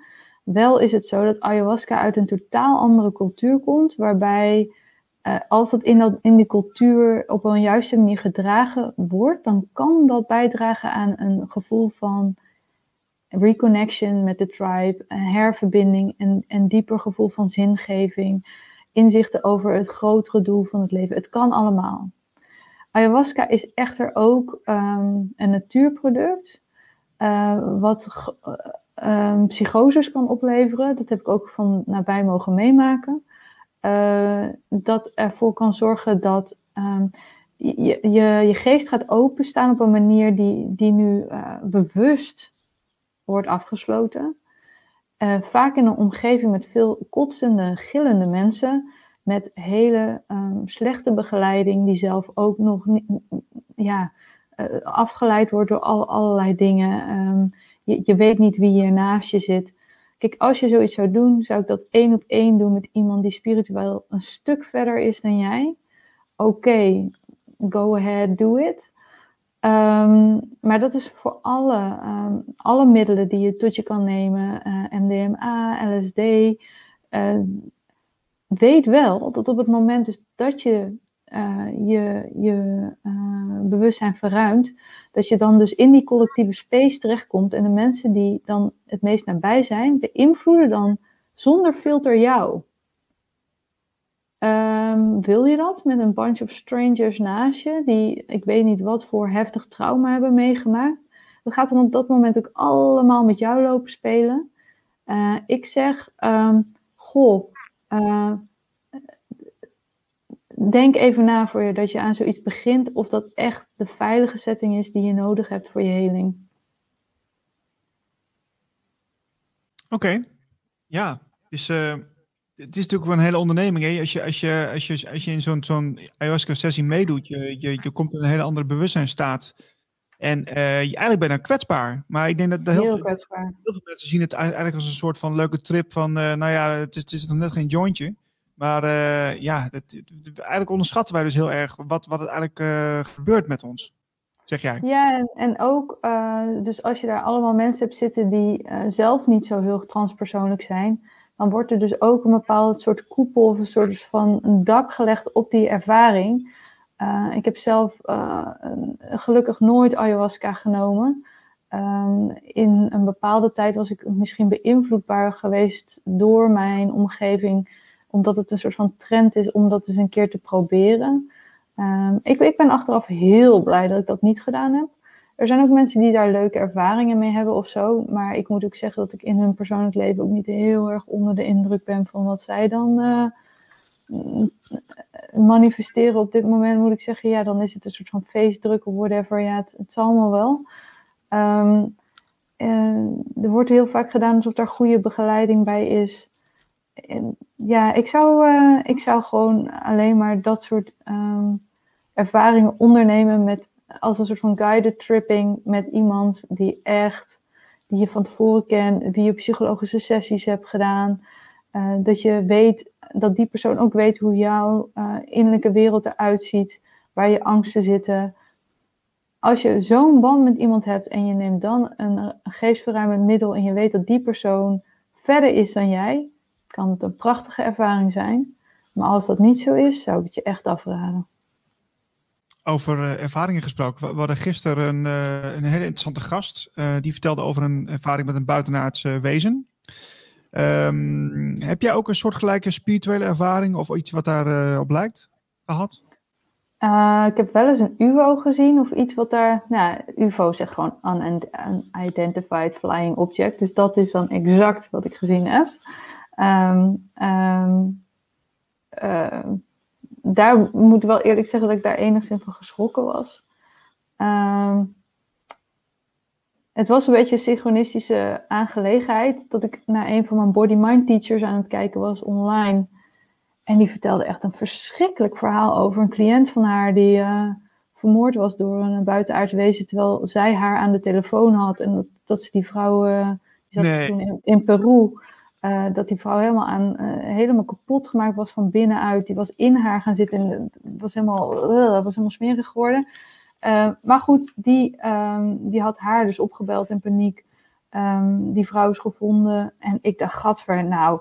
Want het is normaal een vrouw die helemaal niet van dit soort griezelverhalen vertelt. Sterker nog, heel veel van mijn informatie heb ik van haar. Ja. Ik denk van, wat, wat is dit nou? En ik geloof, ik was, nou, geloof, ik was gewoon überhaupt niet bezig met het onderwerp. I didn't care about any other species, whatever. Ik, ik was er gewoon niet mee bezig. Ik denk, nou, snel de computer uit, want ik moet zo nog slapen. dus ik doe de computer uit. Ik denk, ik gooi het oud papier nog even buiten. En dan zie ik opeens iets hangen bij mijn huis. Wel in de lucht hoor, wel iets wat verder weg. Maar ik denk, wat is dat? Het was een rode driehoek. En ik denk, hè? En bewoog ook heel raar. Ik denk, nou, dat heb ik vast niet gezien. Dus ik gooi het papier weg, ik loop naar binnen. En toen was ik toch een beetje nieuwsgierig. En toen ging ik aan de voorkant van mijn huis kijken. En ja hoor, daar bewoog het nog. En Zo. toen stond ik ernaar te kijken. En toen was het bliep bliep, weg. Wauw. Dus ik, ik denk wel dat er iets is uh, en ik ben daarna ook al die Stephen Greer dingen gaan kijken. En nou ja, weet je wel, het, het, het algemene argument van... Uh, weet je hoe groot het universum is? Jij denkt echt dat wij de enige levende wezens hier zijn? Ha, ha, ha. Dat is voor mij gewoon het belangrijkste argument. Want het kan gewoon niet. Um, ja. Of ze ons hier komen opzoeken, zou kunnen. Uh, later in mijn spirituele ontwikkeling heb ik gehoord dat uh, iemand die dus wel verlicht bewustzijn heeft, dat die wel direct contact ook met die wezens had. Um, en dat is voor mij een van mijn belangrijkste uh, ethische richtsnoeren, die persoon. dus de, ik, ik, durf wel te zeggen dat ze er gewoon zijn, ja. Ja, nee, precies, precies. Want dat, ik, ik schrok wel een beetje van wat je net vertelde. Dat, dat verhaal van die, van, die, van die dame die was ja, was die nou opgegeten door een buitenaardse? Nou, niet opgegeten, maar het was meer een soort van raar proces dat het van binnen naar buiten kwam of zo. Oh. Ehm, ja, ik heb, ik heb er ook bewust nooit meer naar teruggekeken, want ik vond het zelf ook heel eng. Maar ik denk dat uh, het universum gewoon precies zo in elkaar zit zoals de aarde. Dat het gewoon ook niet alleen maar leuk is en mooi. Uh, maar dat het ook de dualiteit in zich draagt. Anders zit het niet in deze ruimte. Ja. Oké, okay, interessant, interessant. We hadden een, uh, een graancirkel, ik denk eergisteren. En we hebben vandaag, uh, er is er geen eentje gevonden. Dus die, die jochies die hebben zich verslapen. Er zijn geen uh, plankjes met hout uh, over het. dus, maar die van eergisteren, daar zag ik um, een tweet over. En dit is door Google getranslate. Maar het, het linkerplaatje, dat hebben we gezien, hè Niels? een beetje zo'n raar. ja, uh, vormpje met, ja, wat is het? Een soort ster. een soort ster. Maar in de tweet zeggen ze, de, deze graancirkel um, is een dubbele balans van tegenstellingen. De pijlen en de slangen, symbool van het ontwaken van de kundalini-energie, veranderingen op moleculair en DNA-niveau. Spiraal van de pijlpunten van de hemel, en daar staat er Sirius. En ik heb zo'n idee dat dat niks met Syrië, maar met Sirius te maken heeft. Mm um, de Merkaba, Metatrons Cube en Circle of Creation 72D. Dit is allemaal een soort van geheimtaal. Maar um, ja, ja, laat maar zeggen, dus daar, dat is dus ook weer waar de astrologie over gaat. Dus, dus astrologie is voor een heel groot deel gewoon heilige geometrie. Zoals je net zag, zaten we te kijken naar die aspectenlijnen. En um, de yoga-beweging uh, van waaruit ik kom, die, die hecht ook heel veel waarde aan, aan die zespuntige ster. Um, dat heeft te maken met dat het um, twee keer de drie eenheid van de masculine en de feminine kant perfect geïntegreerd is. Dat ze perfect overlappend liggen. Uh, en dat heeft dus inderdaad te maken met het stijgen van de kundalini. Stijgen van de kundalini betekent eigenlijk in feite gewoon het verhogen van je bewustzijn langs je ruggengraat dat je basisbewustzijn hoger ligt op chakra-niveau. Ja, dat is uiteindelijk uh, waar je je kundalini voor gebruikt, ja. En, waar, en waarom, waarom zouden ze hier een graancirkel van maken? Om, uh, om dat breder bekend te maken? Of. Ik, ik denk dat het, wat zij begrijpen is dat, dat waar je naar kijkt, dat word je. Dus er is nu nodig op aarde blijkbaar dat we die vibratie van die integratie van het masculine en feminine zo hoog mogelijk maken. Het is denk ik niet een boodschap. Het is gewoon, zodra je het op de aarde zet, dan, dan zet je dat ook in gang. Ik denk dat dat is wat ze aan het doen zijn. Ah. Dat, ze, dat ze stempelen op ons, zodat wij uh, die, die, um, die update krijgen, als het ware. Dat het in de vorm letterlijk wordt gebracht. En dat we op die plek dat beter kunnen gaan leven. Is dat hetzelfde als een, uh, een sigil, zoals ze dat noemen? Een, so een soort teken, een soort, uh, ja, een soort logo eigenlijk, met een bepaalde energie die daarin zit? Nou, je moet je voorstellen, uh, dat was dus wel een van Carl Jung's grote bijdragen, dat symbolen een veel grotere invloed hebben op onze psyche dan we zelf weten. Dus um, symbolen beheersen ons, wij beheersen geen symbolen. Dus de symbolen die komen voor ons. Wij, wij maken niet de symbolen, de symbolen maken ons. De archetypen gaan ons vooruit. Dus door het universum komt het symbool zelf zichzelf representatief maken hier op aarde. Dat is wat hier gebeurt. En op wat voor uh, mechanistische, fysieke manieren dat doet, dat doet niet zo ter zake. Dat archetype plant zichzelf daar op die plek.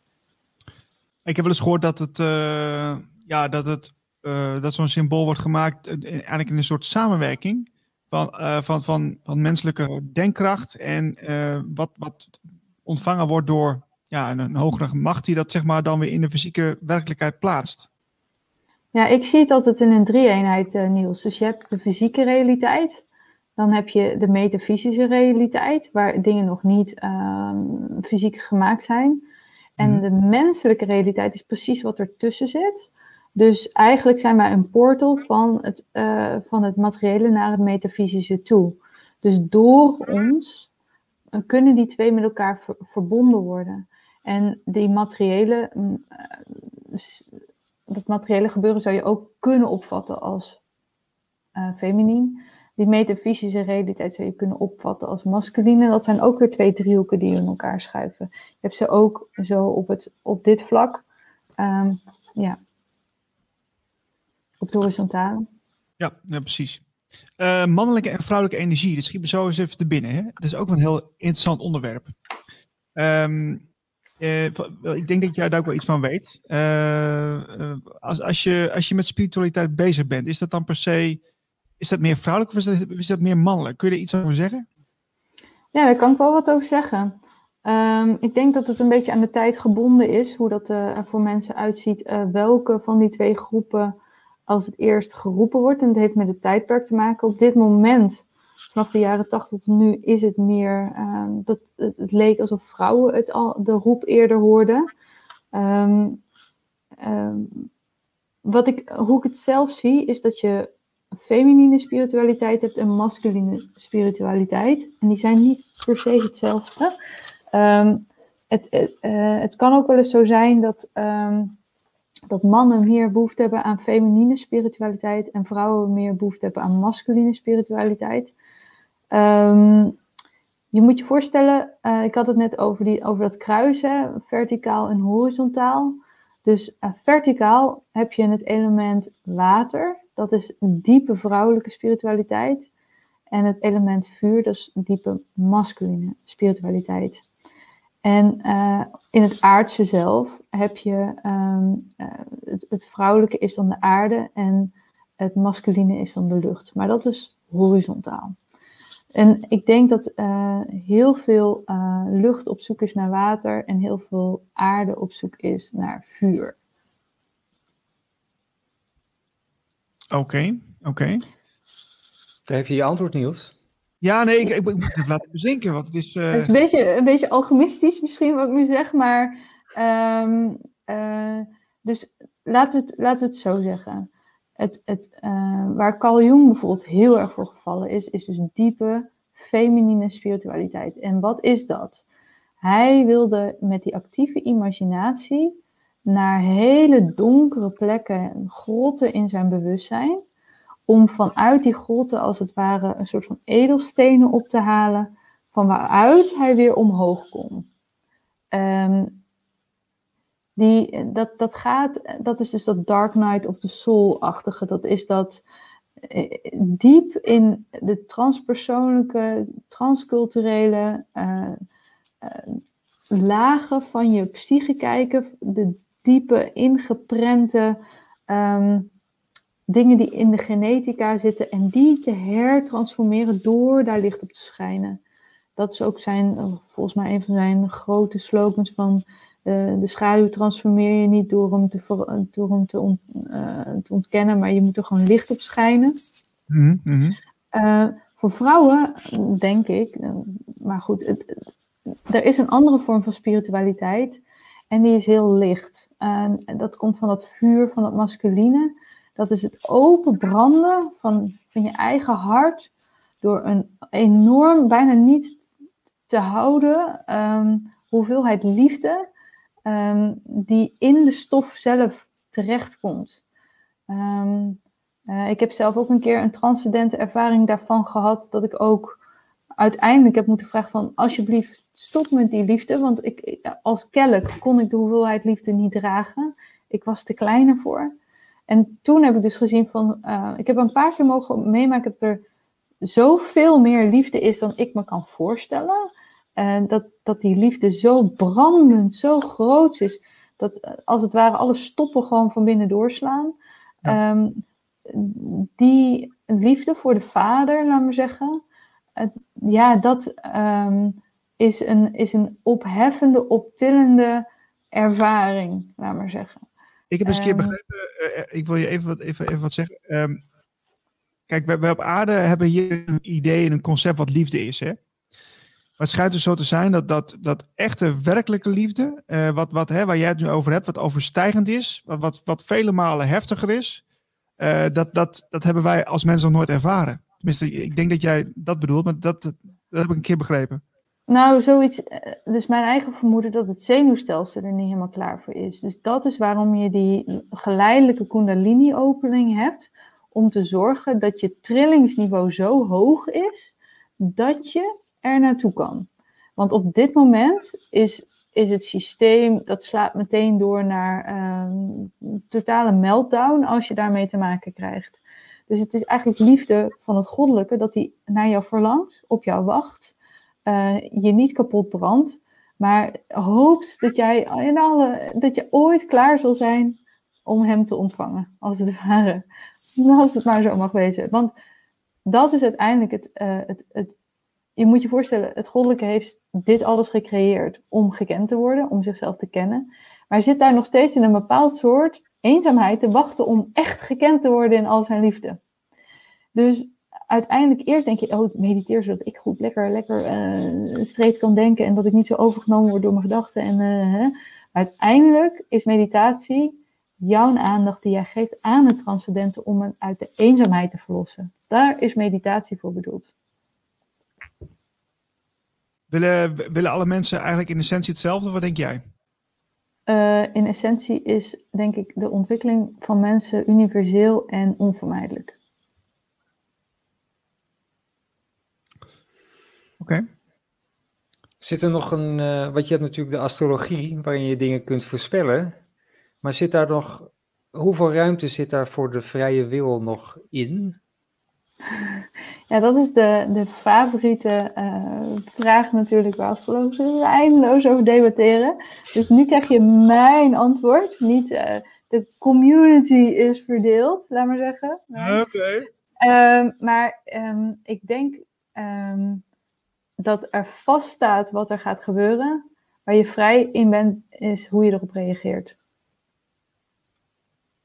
Oh, doe een En beetje je kunt- denken. Oh, sorry, ja, doe maar. Doe maar. Je, je, kunt, je kunt jezelf afzetten tegen, eh, tegen iets en daar dus bang op reageren. En je ziet nu dat de meerderheid dus kiest voor angst. Ehm, je kunt ook in vertrouwen reageren en proactief meebewegen met wat er gebeurt. En eigenlijk is de astrologie er niet om te voorspellen, maar om te duiden, zodat jij eigenlijk met jouw eigen leven op, in, in dit moment ehm, dus die proactieve keuze kan maken en kan zien, oké, oh ja, er wordt heel hard ges- geschud, maar in 2024 is dat over en er is een reden voor. Dus dat je een beetje vertrouwen hebt dat het niet chaos is allemaal wat er nu gebeurt. En dat je daarin je vertrouwen vindt, dat het universum een plan heeft, dat jij ook hier uitgenodigd bent met een reden. Eh, je kunt zelf zien wat die reden is. Eh, dus eh, de uitnodiging is van ga het leven. En op dit moment is nu dit het belangrijkste. En dat zie je dus de hele tijd. En in die zin heb je dus de vrije wil om mee te werken, om je hoogste potentie te behalen. Je kunt ook besluiten vanaf je 36e dat je het wel weer mooi vindt en dat je aan je stervensproces kan gaan beginnen. Maar dat mag je op je 16e ook al doen hoor. Daarin ben je vrij. Ja, ja. Maar, dus, dus, maar ja, ja, ja, dat is best wel een harde uitspraak. Hè? Want jij zegt dus eigenlijk van eh, mensen die dus eh, als ziel niet meer zoveel willen groeien, of eigenlijk helemaal niet, die, die, die sterven dus eigenlijk aan vanaf hun 36e eigenlijk al. Nou, Ehm, soms zelfs al eerder, maar je- dan zie je het ook. Eh, hoe, hoe zie je dat dan? Ik ben wel heel benieuwd. Ehm, nou ja, aan het gedrag eigenlijk. Sommige mensen zie je dat die eigenlijk nooit voorbij de puberfase komen. Sommige mensen komen nooit voorbij studenticoze doelen. Eh, sommige mensen komen nooit voorbij ehm, eh, de red race, laat maar zeggen. Die, die krijgen gewoon geen andere doelen in hun leven. Ehm, ik bedoel, voortplanting is er ook een van, maar dat is, dat, dat is ook een tweede chakra doel. Dus het is... ehm, ik bedoel, ehm, ga maar eens vragen aan mensen boven de 40 boven de 50 st- sterker nog, eh, wie er bang is voor de dood. En sommige mensen die bereiden zich voor op de dood. Die, eh, ik, ik heb mijn mentor, die, waarvan ik geluk heb gehad dat ik die eh, op mijn 19e heb ontmoet. Die is nu eh, de pensioenleeftijd gepasseerd. Die is lekker met pensioen. En die, ja, die is alleen maar bezig met de dood. Die, die, die wil het over niks anders hebben. Sommige mensen zitten in ontkenning van de dood en die zijn alleen maar bezig met de volgende vakantie en et cetera. En die uh, nemen wel 700 vaccins, weet je wel. Het, het mooie van de situatie waar we in zitten, is dat je een splitsing ziet, die er altijd al was, maar die is nu met één keuze die iemand maakt, is dus duidelijk welke kant iemand opgaat met zijn leven. Dus het, is, het, het maakt het allemaal heel overzichtelijk. Ehm, je, je, eigenlijk is het, het is misschien een beetje. Kijk, sommige mensen nemen ook niet het vaccin om bijvoorbeeld om, uh, omdat ze bang zijn voor de dood, maar die hebben heel veel behoefte aan een vakantie in Frankrijk. Dan weet je eigenlijk ook al hoe het gesteld is, weet je wel. Mm -hmm. dus dat je uh, eigenlijk al je bedenkingen maar overboord zet. Uh, voor, voor, en medicijn neemt waarvan de testen nog niet, de testronde is nog niet eens gedaan. En je zegt, nou laat maar zetten dan als ik maar weer het vliegtuig kan pakken. Ik bedoel, het, het is zo simpel. Dat zijn dus die mensen die, uh, die eigenlijk nu al bezig zijn met ja, langzaam aftakelen. Ja, want uh, ik, uh, wat, ik me wel afvraag, ik heb, ik, heb, ik heb er zelf een idee over, maar ik ben heel benieuwd hoe jij ernaar kijkt.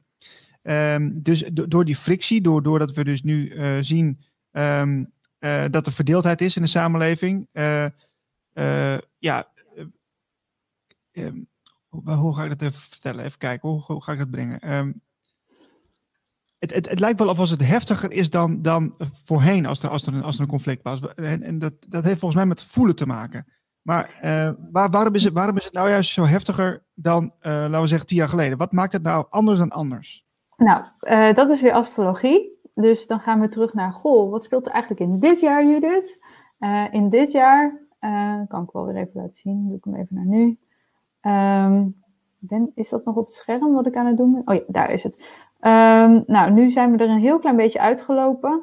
Um, Even kijken, dan moet ik deze weer even terugzetten naar de wereldtransities, anders dan zie je het nog steeds niet. Um, even kijken, waar zet ik dat nou ook weer aan? Dat vergeet ik altijd even, dat dit klapje wereldtransitie is.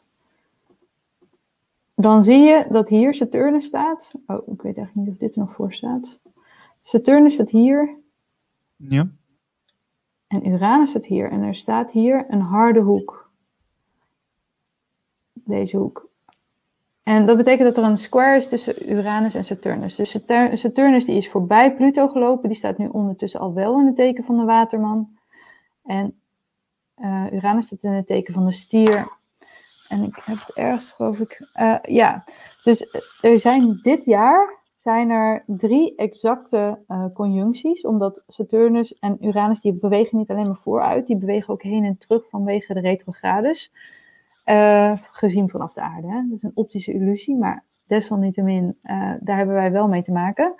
De eerste was op 17 februari, de tweede was op 14 juni en de derde vindt plaats op 24 december, dus kerstavond. Ehm, en die energie, nogmaals, dat zijn niet alleen maar punten, dat zijn ook, um, uh, ja, uh, dat zijn ook, um, je loopt in die energie, je loopt eruit en eigenlijk is die energie er gewoon het hele jaar. Die is vorig jaar al een beetje, die is vorig jaar al wel begonnen. En Uranus, die beweegt niet langzaam in zijn transformatie, die creëert schokken in de maatschappij om Saturnus dus wakker te maken.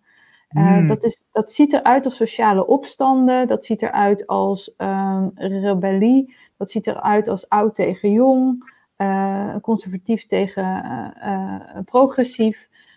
en een square betekent, een, dat is een conflict. Nu zijn we met elkaar in gevecht. Nu, nu zijn we aan het kijken of, of we de boel kunnen oprekken, of we het kunnen, meer ruimte kunnen maken. En dat gaat dus niet meer op die lage langzaam het trage over de jaren heen. Nee, dat opeens heb je een soort van blikseminslag en bam, daar is iets.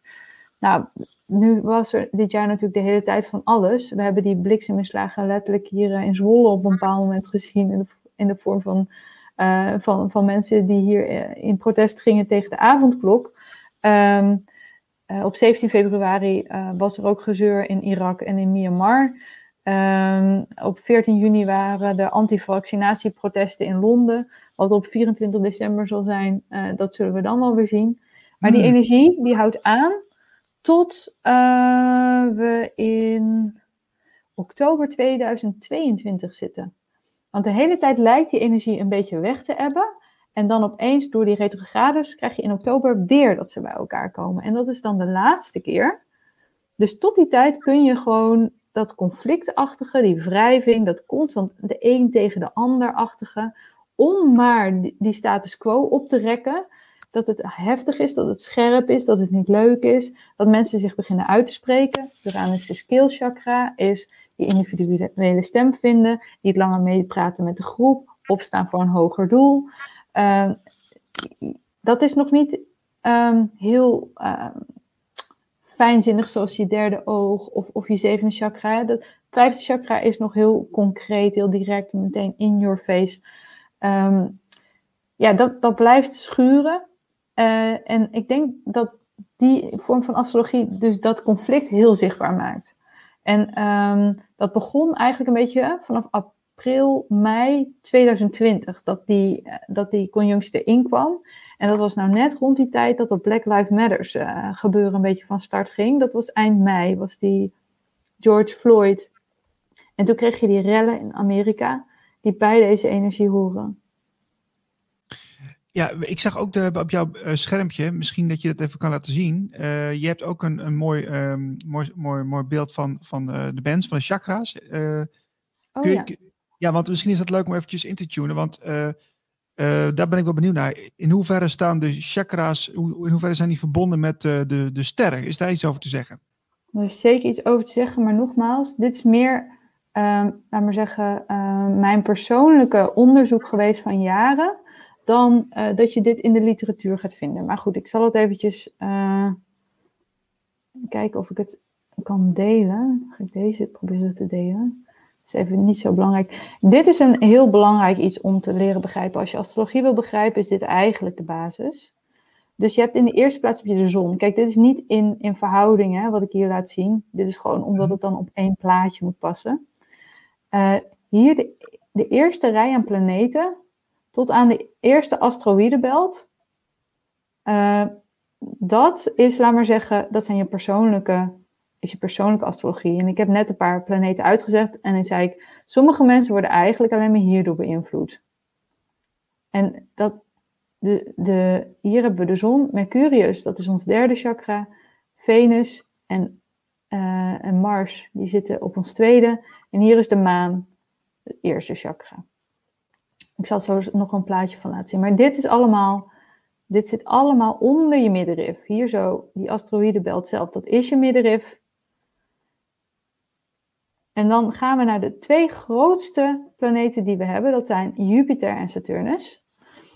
En die zijn echt vele malen groter dan, eh, dan die kleine uh, planeten hier in het persoonlijke. Dit is ons sociale uh, systeem.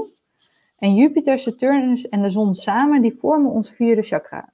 De zon zelf zit achter je borstbeen. Saturnus zit op het orgaan van je hart. En Jupiter, die, die beïnvloedt je longen. Uh, dat is ook nog wel interessant. Maar nee, daar kom ik straks op terug. Dat is nog een nieuwsfeitje. Maar goed, hier heb je Chiron. Dat is de Wounded Healer. Die is ook, die is ook heel belangrijk. Die zit, uh, die zit hier tussen deze planeten, beweegt die heen en weer. Als je dus voorbij Saturnus wil leren kijken, voorbij de materie, voorbij wat zichtbaar is, voorbij wat al bekend is, dan moet je de transpersoonlijke ruimte in. En dat is Uranus, Neptunus en Pluto. En daarna komt nog een keer de Kuiperbelt. En ik geloof dat er nog twee extra planeten gevonden gaan worden hier buiten. En die gaan ons zevende chakra beheersen. Pluto, die opent eigenlijk als het ware onze opening naar het zevende chakra toe. Dat is de gatekeeper, de, de, de man op de boot in de hel die ons overvaart. Uranus is je keelchakra, Neptunus is je derde oog. En dat zie je dus allemaal hier. Um, de maan op je eerste. Uh, Venus en Mars zitten op je tweede rond je relatiechakra. Uh, je individualiteit, je rationaliteit. Mercurius zit op het derde. Het hartchakra links Saturnus, rechts Jupiter en in het midden de zon. Chiron die opent hier de bovenkant van uh, je hartchakra, zodat je uiteindelijk dus naar die transpersoonlijke ruimte kan. En Chiron die beheerst alle pijn die je hebt in je leven. Dus vaak is het door pijn en verdriet dat je verlicht raakt. Dat is nou eenmaal zo.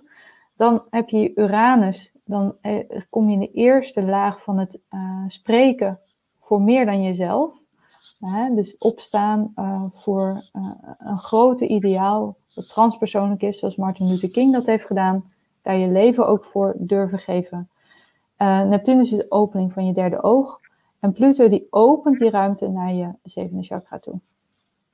Ja, wat me wel opvalt, uh, Pluto is eigenlijk maar een heel kleine planeet, hè? maar die is wel essentieel. Ja, Pluto valt eigenlijk heel erg te vergelijken met Chiron. Dus uh, Pluto en Chiron die zitten allebei in, in een soort van, die hebben een overgangsfunctie. Om te zorgen dat je van de ene laag van bewustzijn naar een andere kan komen. Je zit een beetje aan je snoertje volgens mij. Oh, sorry, zit ik er weer aan? Ja, zo beter? Dan horen wij heel uh, gezellig oh, mee op de Oh, sorry. maar ga, ga verder, Judith. Uh, ja, dus um, uh, aan Chiron wordt ook heel weinig aandacht gegeven door astronomen. Maar astrologisch gezien, persoonlijk, zie ik het als een van de belangrijkste dingen uh, om in de gaten te houden voor mezelf. nou ja, dat is niet helemaal eerlijk. Je praat met een astroloog. Een astroloog heeft een bepaalde persoonlijkheid. En in mijn geval is het zo dat Chiron op mijn ascendant zit. Dus voor mij persoonlijk, ik vind Chiron heel belangrijk. Ja, ja, ja, ja. ja. Ja, dus uh, dat, daar krijg je dan mee te maken. Maar uh, ik ben er echt van overtuigd dat het voor je persoonlijke groei, laat maar zeggen, je Chiron-ontwikkeling is, is eentje die ervoor kan zorgen dat je van je hartchakra niveau naar, naar keel overgaat. Maar in alle eerlijkheid, de meeste mensen die, ehm, die, die zitten nu hier, op Mercurius hoogte, die komen af en toe een beetje via Jupiter in het hart. Maar dat stelt nog niet heel veel voor. Dus uh, wat, waarom hebben we nu allemaal COVID? Mijn overtuiging is dat dit gedeelte van het lichaam, de bovenborst, uitgeziekt moet worden, zodat de gezonde vibraties daar weer uh, kunnen leven. Dus COVID krijg je niet als een straf. Dat krijg je eigenlijk als een kans om, hè, net zoals een griep, dat je gewoon gezuiverd wordt. En, en dat je systeem, net zoals je zenuwstelsel, de liefde nog niet aan kan, kunnen heel veel aardse lichaamssystemen nog niet zo goed de hartenergie aan. Daarvoor moet je naar een hoge vibratie, daarvoor moet je even door een ziekteproces. En als je dan gezuiverd bent, dan, uh, kun, je, dan kun je mee in de hogere trilling die nu van ons gevraagd wordt. Van ik denk dat we collectief worden uitgenodigd om via ons Jupiterbesef uh, ja, echt het hartchakra goed in te gaan. Ik heb wel eens een keer begrepen dat, uh, dat corona ook wel weder, wedergeboorte betekent. Nou, volgens mij is het kroning of zo. Corona is toch gewoon kroon. Uh, ik weet wel dat astrologisch gezien, um, uh, als je een eclipse hebt en uh, het is een, solar eclipse, dat je dan rond de maan zo die, die, die kroon van de zon kan zien. En dat noemen ze corona. Oké. Okay. Je hebt ook mensen die zeggen, waarom tellen al die andere planeten niet mee, die we ook nog hebben, de Sirius en weet ik veel allemaal. Mm Maar ligt dat dan dus aan, uh, die hebben nog geen invloed, want dat, dat, dat is een soort afgesloten. Dus als wij verlichter worden, dan krijgen die planeten ook invloed op ons. Maar Sirius is volgens mij een ster, toch, uh, Melchior? Uh, ja, het, ja, het wordt geloof ik uh, ook een zon genoemd. Ja, een zon. zon dus uh, dat, dat, dat, die heeft wel degelijk invloed op ons. Het is alleen, wij, ons chakrasysteem wordt beheerst door onze planeten. Net zoals dat een molecuul beheerst wordt door, of een atoom. Heb je de, in de kern heb je alle neutronen en de protonen. En die elektronen die eromheen draaien, die ervoor zorgen hoeveel elektronen er zitten, welke, ja, wat voor karakter uiteindelijk dat atoom krijgt. Of het een heliumding is, of dat het juist boor is, of dat het kalium is, of wat dan ook. Dat ligt dus aan de hoeveelheid zwaartekracht die er dus in zo'n ring zit en hoeveel ringen er beheerst worden. Zo werkt het met ons zonnestelsel dus ook. Dus wij zijn aardlingen en wij worden beheerst door de ringen die wij hebben. Maar ik, ik zal even iets laten zien. Uh, ja, dit is Mike Brown. Dat is een, een astronoom, niet een astroloog. Die astronomie ook, die heeft er heel veel plezier in om, laat maar zeggen, astrologen belachelijk te maken. Dat is, laat maar zeggen, zijn core business. Maar desalniettemin, um, wat je hier op dit plaatje ziet, is hier in het midden heb je dus nog Neptunus. zij, ehm, zij, zij ontkennen het, het belang van. Zij ontkennen het belang van uh, Pluto. Dus dat mag überhaupt niet genoemd worden op deze tekening. Maar er zit er nog maar net een heel dun lijntje erbuiten. En zij hebben dus al gevonden waar de baan van de negende planeet zit. Dat willen zij dan per se de negende planeet noemen om dus astrologen te, te fucken. Want de negende planeet, dat is dus nu Pluto, maar dat, dat mag niet gezegd worden. Uh, maar goed, eh, Planet 9, uh, eh, hier op deze schaalgrootte, zo ver weg, loopt hij dus. Dus ik, ik ben als astronoom in mijn intuïtie, uh, of astroloog intuïtie, zegt dat daarna nog één gevonden gaat worden. Dat moet wel, vanwege ons systeem van 12. Uh, maar uh, in ieder geval de, het elfde ding dat ik in, in, het, in het zicht wil houden, die is bij deze dus gevonden. En um, de maan tellen ze ook niet mee, maar de maan telt bij ons in, in, ons systeem, astrologisch systeem, wel degelijk mee als iets heel belangrijks.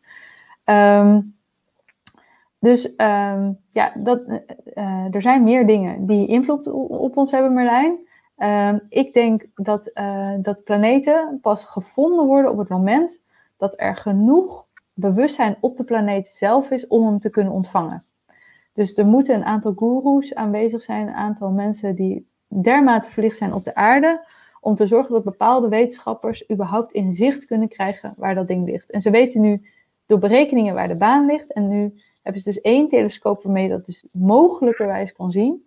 En uh, de aankomende paar jaren zijn ze dus iedere keer krijgen ze eventjes tijd om te zoeken met die telescoop naar, naar die uh, planeet.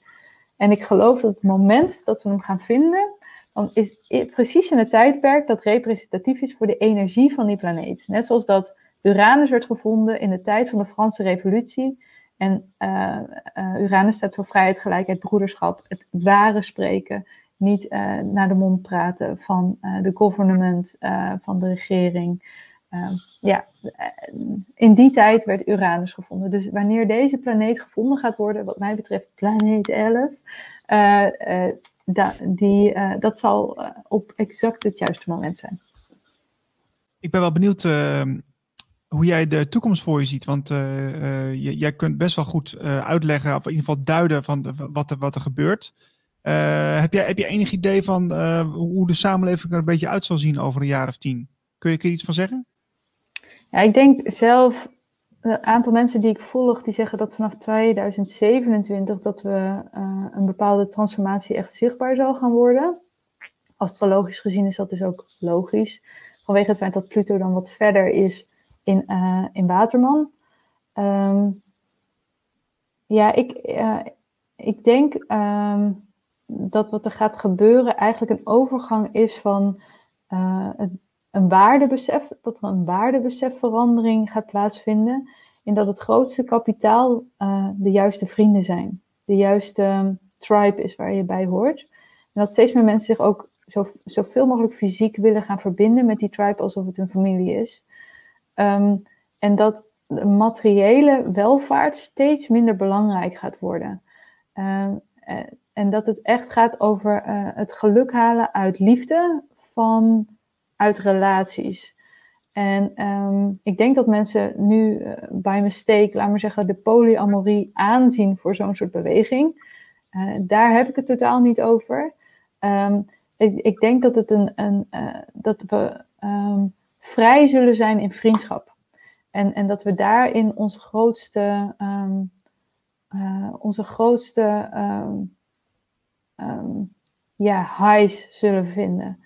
Dus in een werkelijke klik met echte uh, zielsherkenning. Uh, um, en ik, ik voorzie eigenlijk dat die groepen een beetje zullen ontstaan rond bepaalde koppels. Eh, die in hun relatie echt evenwaardig kunnen leven. Die werkelijk met elkaar in verbinding kunnen zijn door, het, door de shit heen en door het mooie heen. Uh, en, en dat die mensen op een bepaald moment zo'n energetische motor zijn met z'n tweeën, zo goed op elkaar ingespeeld, dat ze eigenlijk een soort van uh, beker zijn waarvan de energie overspoelt. En die energie die ze over hebben, die zullen ze gebruiken om de juiste mensen aan zich te binden. En vanuit die liefdesbasis, laten we zeggen, netwerken ontstaan van waaruit dus die nieuwe maatschappij, die nieuwe economie, dat nieuwe bankenstelsel, uh, het nieuwe werken zal ontstaan. En dat zal zich gewoon organiseren vanaf de grond af. Denk ik. Wauw. Dat zou mooi zijn. Ja, ik denk wel dat, uh, ik denk wel dat er gewoon een weg is. En uh, hoe minder je nu gewoon kijkt naar het herorganiseren van bestaande structuren, hoe meer energie je jezelf uh, bespaart. want daar gaat het niet van uitkomen. Die, die structuren die zal Uranus afbreken tot aan de grond. En als er dan, laat maar zeggen, als, als, als, en het afbreken kan eruit zien dat je nul vertrouwen meer hebt in de overheid. Snap je? Hoeft niet dat je, dat je Rutte, uh, dat Rutte er niet meer is. Nee, Rutte mag van mij best meedoen. Het, waar het om, om gaat, uh, is, is dat, um, dat de greep van dat vertrouwen, of, of eigenlijk die, die angst van ik kan het niet zelf, ik heb Rutte nodig om voor mij beslissingen te maken, dat die verslapt. Ja, dat is dus maar dat, dat het oude, dat vasthouden aan het oude, dat is wat, wat jij net vertelde over Saturnus. Dat wordt dus nu door Pluto eigenlijk uh, uh, ja, in de war geschopt, waardoor we dus langzaam naar een verandering toe gaan. Ja, en ik denk dus vanaf 2027 dat we, als je er dus voor hebt gekozen om je Saturn Return te nemen en door de Dark Night of the Soul te gaan, jezelf voor te bereiden op een, op een andere vorm van verantwoordelijkheid nemen in de maatschappij, vervolgens uh, vanaf je 36e echt je zielsdoel te gaan volgen, ook als er geen geld mee te verdienen valt, dat je dan, dat je dan op de juiste weg zit.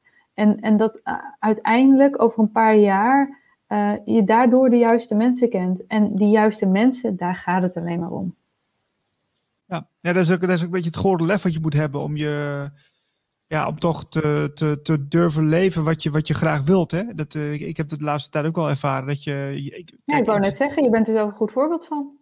Ik ben een goed voorbeeld, ja, ja zeker. Ik, ik, uh, dat, dat, daar moet je, wel, je moet daar wel lef voor hebben. Uh, niet om mezelf op de borst te kloppen. Maar ik, kijk, als ik echt heel veel geld wil verdienen, moet ik natuurlijk niet met, met zoiets beginnen als dit. Nee. Want dit heeft, heeft een beetje dat, lang, lange adem dat, nodig. Nee, maar op een bepaald moment um, gaat de fun van het hebben van heel veel geld gaat er een beetje af. Dus wat je gaat zien is dat wat mensen belangrijker gaan vinden, is bijvoorbeeld dat ze de dingen zelf gemaakt hebben. Want dan krijgt het waarde. Um, dat, dat ze, um, uh, je ziet het al een beetje in die trend van dat minimalisme, dat mensen juist zeggen, ik hou alleen het meest waardevolle over. Uh, dat, dat, dat dat een kick geeft. Uh, en, en ik denk dat dat die invloeden zijn van waar we nu naartoe aan het bewegen zijn dat, dat, je, dat je later niet hebt van wie heeft de grootste auto, maar wie heeft het mooiste stuk antiek, weet je wel. Uh, uh, van dit heb ik van mijn over overgrootoma en dit is er al heel lang en wij zorgen hiervoor en wij zijn hier heel voorzichtig mee en dit hebben wij uit de vuilnis getrokken en kijk eens wat hiervan geworden is, weet je wel zo. Mm -hmm. ja. ja. Heb jij daar nog iets over te zeggen Marlijn? Nee, ik zit nog een beetje te kauwen op, uh, op die Dark Knight of the Soul. En mensen die dan niet meegaan, die zijn eigenlijk... Zoals Akda en de Munnik uh, ooit zeiden, ik ben al dood, alleen uh, vergeten te gaan liggen. Ja. Um, is het niet... Oh, nou Akda en de Munnik erbij? Ja. Om even Akda en de Munnik te citeren. Sorry. Maar uh, nee, daar zit ik nog een beetje aan, aan te denken. Want je hebt ook, ook een idee dat, dat de voorlopers, de mensen die uh, inderdaad daar doorheen gaan en verlicht worden uiteindelijk, dat die de rest uiteindelijk mee zullen trekken. Dat kan, maar daar komt dus weer het, uh, het stukje vrijheid kijken, Marlijn. Dus er, er is een, een tweede Saturn return, die vindt meer plaats rond je zestigste. En het, en het kan ook zijn dat je rond, rond die tijd zegt: Oké, ik pak hem wel. Ik, ik ga nu wel uh, volwassen worden. Ehm, alles ligt open.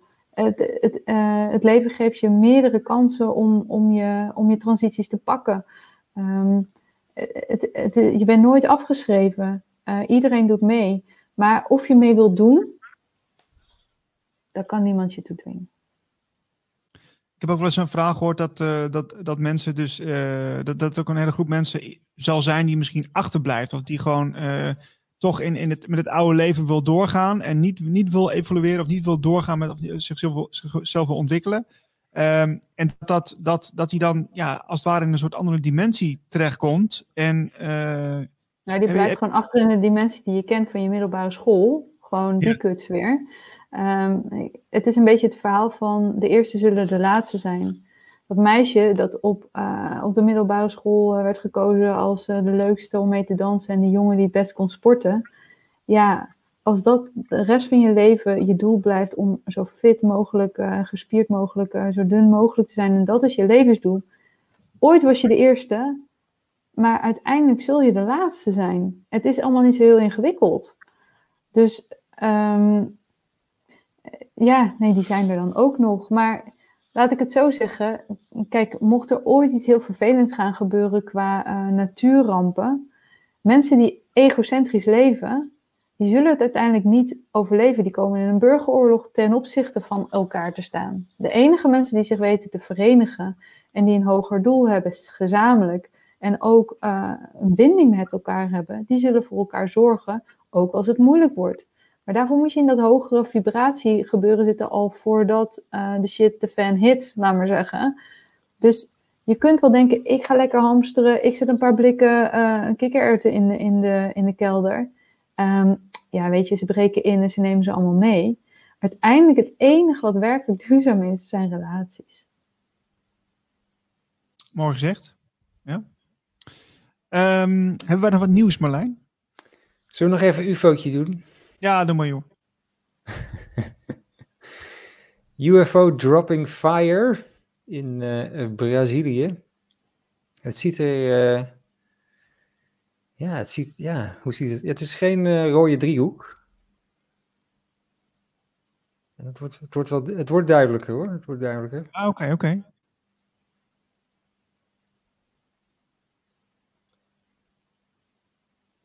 Is het geen asteroïde? Ja, het. Uh... Kijk, er komt, uh... er komt iets. Oh ja. Nou, misschien is dat wel je, je graancirkel, uh, Merlijn. ja, het kan ook een, uh, kan een vonkje uit een uh, nabij, nabijgelegen kampvuur zijn. Maar kijk, hij heeft, hij heeft meerdere van die dingen. Want dit zijn eerdere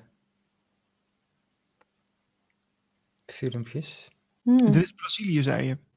Marlijn, volg je dit nou om jezelf uh, te helpen uh, geloven dat dit echt waar is? Uh, nou, ik, ik ben niet zo van het geloven. Het is meer informatie. Ik zie het meer als informatie. Dit kan ook nep zijn en dan vind ik het ook niet erg. Nou, kijk, ik vraag het een beetje. Um, Saturnus houdt namelijk heel erg gewoon van. Die houdt zich namelijk graag bij de feiten. die vindt het heel belangrijk dat ergens gewoon bewijs wel voorkomt. Uh, en uh, ik kan me voorstellen dat het voor jou gewoon een fijne manier is om te zeggen: Kijk, ik kan het toch zien. Nou, dan is het er. Nou, dat, dat herken ik dan weer niet zo okay. erg. Tenminste, niet, niet met dit soort dingen. Want uh, ik heb zo'n, uh, ja, je, alle, alles wat je ziet op televisie, internet, ik bedoel, ja, je, je weet niet wat je ermee, uh, of je het serieus moet nemen of het echt is. je, weet, je weet het gewoon nooit. Nee, maar dat is ook weer typische Saturnus vraag, van is het nou waar of is het nou niet waar, weet je wel? kijk, voor mij is het gewoon duidelijk dat ze er zijn, zelfs al zie ik ze een miljoen keer niet. het, het, moet, het moet er gewoon wel zo zijn. en ja, voor jou is het blijkbaar toch fijn om er gewoon echt naar te kijken. Nou, dit, dit soort dingen, kijk, dit is een filmpje. Maar uh, orbs, die heb ik wel zelf gezien. Ah. Dus daar, daarvan kan ik zeggen, nou, daarvan geloof ik wel dat ze er zijn. Want uh, ja, heb ik zelf gezien. Ja, maar, maar dat is dus tot eerst zien dan geloven, de kwaliteit van Saturnus. Oké, oké. Ja. Ja, dat is toch jammer, want ze zeggen van je moet eerst geloven, dan ga je het pas zien. Maar eh, Ja, het, het is een beetje, het is natuurlijk ook die combinatie, want jij be- bestaat niet uit Saturnus. Dus er is veel meer aan jou en er is, eh, je hebt ook eh, Neptunus ergens zitten. Even kijken of ik je nog kan vinden. Eh, eh, Wat even van scherm wisselen. Zou mij, eh, je, je kunt wel goed over t- transpersoonlijke onderwerpen praten, want Mercurius is daar dichtbij. Dus jij kan met je ratio, kun je ook heel goed, vanuit je ratio kun jij die diepere spiritualiteit gewoon heel goed benaderen, zie ik. Dus bij jou gaat het ook wel heel hand in hand. Ehm, en ehm, ik weet niet of je, je vader of je familie toevallig een grote invloed heeft gehad op geïnteresseerd raken in dat soort eh, onderwerpen. Eh, want dat zou me ook niet eh, verbazen. niet dat ik Ik- weet. Ja, ik heb ook wel eens begrepen dat, eh, dat je als astroloog of astrologe, eh, door het heel vaak te doen, dat je daardoor eh, meer kennis verzamelt over eh, wat alle, alle verschillende mogelijkheden zijn in, in samenstelling en zo. Hè? Dat, dus het is veel doen eigenlijk. Ja, want nogmaals, je leest dus archetypen en je kunt niet zeggen dit betekent dat. Het is echt een hele, je moet het archetype snappen. Dus het archetype van het vierde huis is eh, de grond waar je vandaan komt, de cultuur waar je uitkomt. Eh, het wordt ook vooral eh, eerder door je vader dan door je moeder geregeerd. Ehm, eh, het is alles waar je je veilig bij voelt. De spiritualiteit kan je ook een heel groot, een grote basis voor je gevoel van veiligheid zijn. Ehm, eh, ik bedoel, die- al die combinaties tussen die woorden eh, eh, zijn, zijn mogelijk. Bijvoorbeeld eh, eh, in, het- eh, in het, eh, het kan ook zijn dat bijvoorbeeld via dromen jij eh, juist heel veel dieper eh, bij de informatie kan komen eh, die jou moet leiden in het leven naar je, je hoogste doel. Dat betekent het in feite ook. Kijk, dus zo kan ik doorgaan. Ja. Het gaat erom waar jij op resoneert. En op het moment dat je dat begrijpt, dat gewoon vast te houden en te volgen. Ja, want ik, daar was ik ook nog even benieuwd naar. Dat schiet me nou net te binnen. Eh, kun je ook aflezen eh, in wat voor karmische relaties je zit in een, in een leven? Ja, je kunt, dus, eh, je kunt dus bepaalde kaarten maken waarin je dus eh, bijvoorbeeld. eh, eh, je kunt überhaupt gewoon jouw astrologische wiel op dat van iemand anders neerleggen. En dan daar kun je al een hoop uit eh, aflezen. Er is ook een techniek waarop je die twee kaarten kan combineren. Dan zie je welk, ehm, karakter de relatie heeft tussen jou en de andere persoon. Ehm, ja, eh, je kunt een beetje wel iets over je vader en je moeder aflezen. Eh, ehm, vaak, vaak is het zo dat je, je ervaringen met je moeder meer te maken hebben met de maan en de ervaringen met je vader meer met de zon. Ehm, en dan kijk je weer naar de huis en, en die context. eh, ehm, en, en dan moet je wel eh, voorstellen dat eh, broertjes en zusjes uit hetzelfde gezin natuurlijk dezelfde moeder en vader hadden, maar toch blijkbaar een ander beeld hebben van die moeder en vader. Want het zijn en blijven dezelfde mensen. Dus waarom is die ouder belangrijk voor jou? Wordt dan eigenlijk meer de vraag. Of welke, welke thema's of welke rollen of welke dingen ehm, eh, opent die ouder voor jou? Ehm, zo moet je het meer zien. Interessant. We Kunnen- hier nogal eh, heel veel uren aan eh, spenderen, denk ik. ik eh, ja, we, zi- we zitten bijna aan de tijd, joh. Ja. ja, dat is met astrologie. Als je gaat beginnen om iemands geboortekaart te lezen, eh, dat doe ik ook niet, eh, eigenlijk over het algemeen niet korter dan twee uur. Dus ik heb normaal gesproken om alleen maar over iemands kaart te praten, praat ik al twee uur. Hoe kunnen mensen bij jou komen? Eh, dan kunnen ze me eh, eh, gewoon eh, bellen of e-mailen. Ja,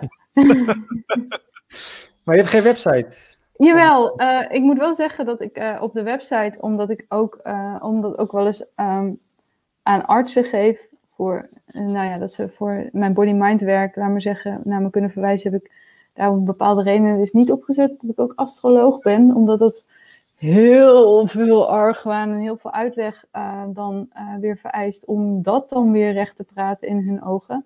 maar mijn website heet humancomplex.nl. Oké, zetten we eventjes onder de beschrijving als we de video klaar hebben. Oké. Ehm, ja, ik, ik, vond het heel leuk dat je er was, Judith. Ik vond het heel interessant. Nou, ik vond het heel leuk om met jullie te praten over deze onderwerpen. En uh, wie weet uh, volgende keer weer, want we, zitten, we zijn helemaal nog live als try-out de maand augustus. Dan willen we eigenlijk daarna doorzetten naar, ja, naar een, een, serieuze programmering voor, voor ons radiostation. Um, dus ja, wellicht tot de volgende keer als, als gast. Dat lijkt me heel gezellig. Ja, ik kan ook wel een keer iets komen vertellen over alle body-mind dingetjes die er bestaan en zijn. Precies, precies. Marlijn, heb jij nog iets tot slot? Nee.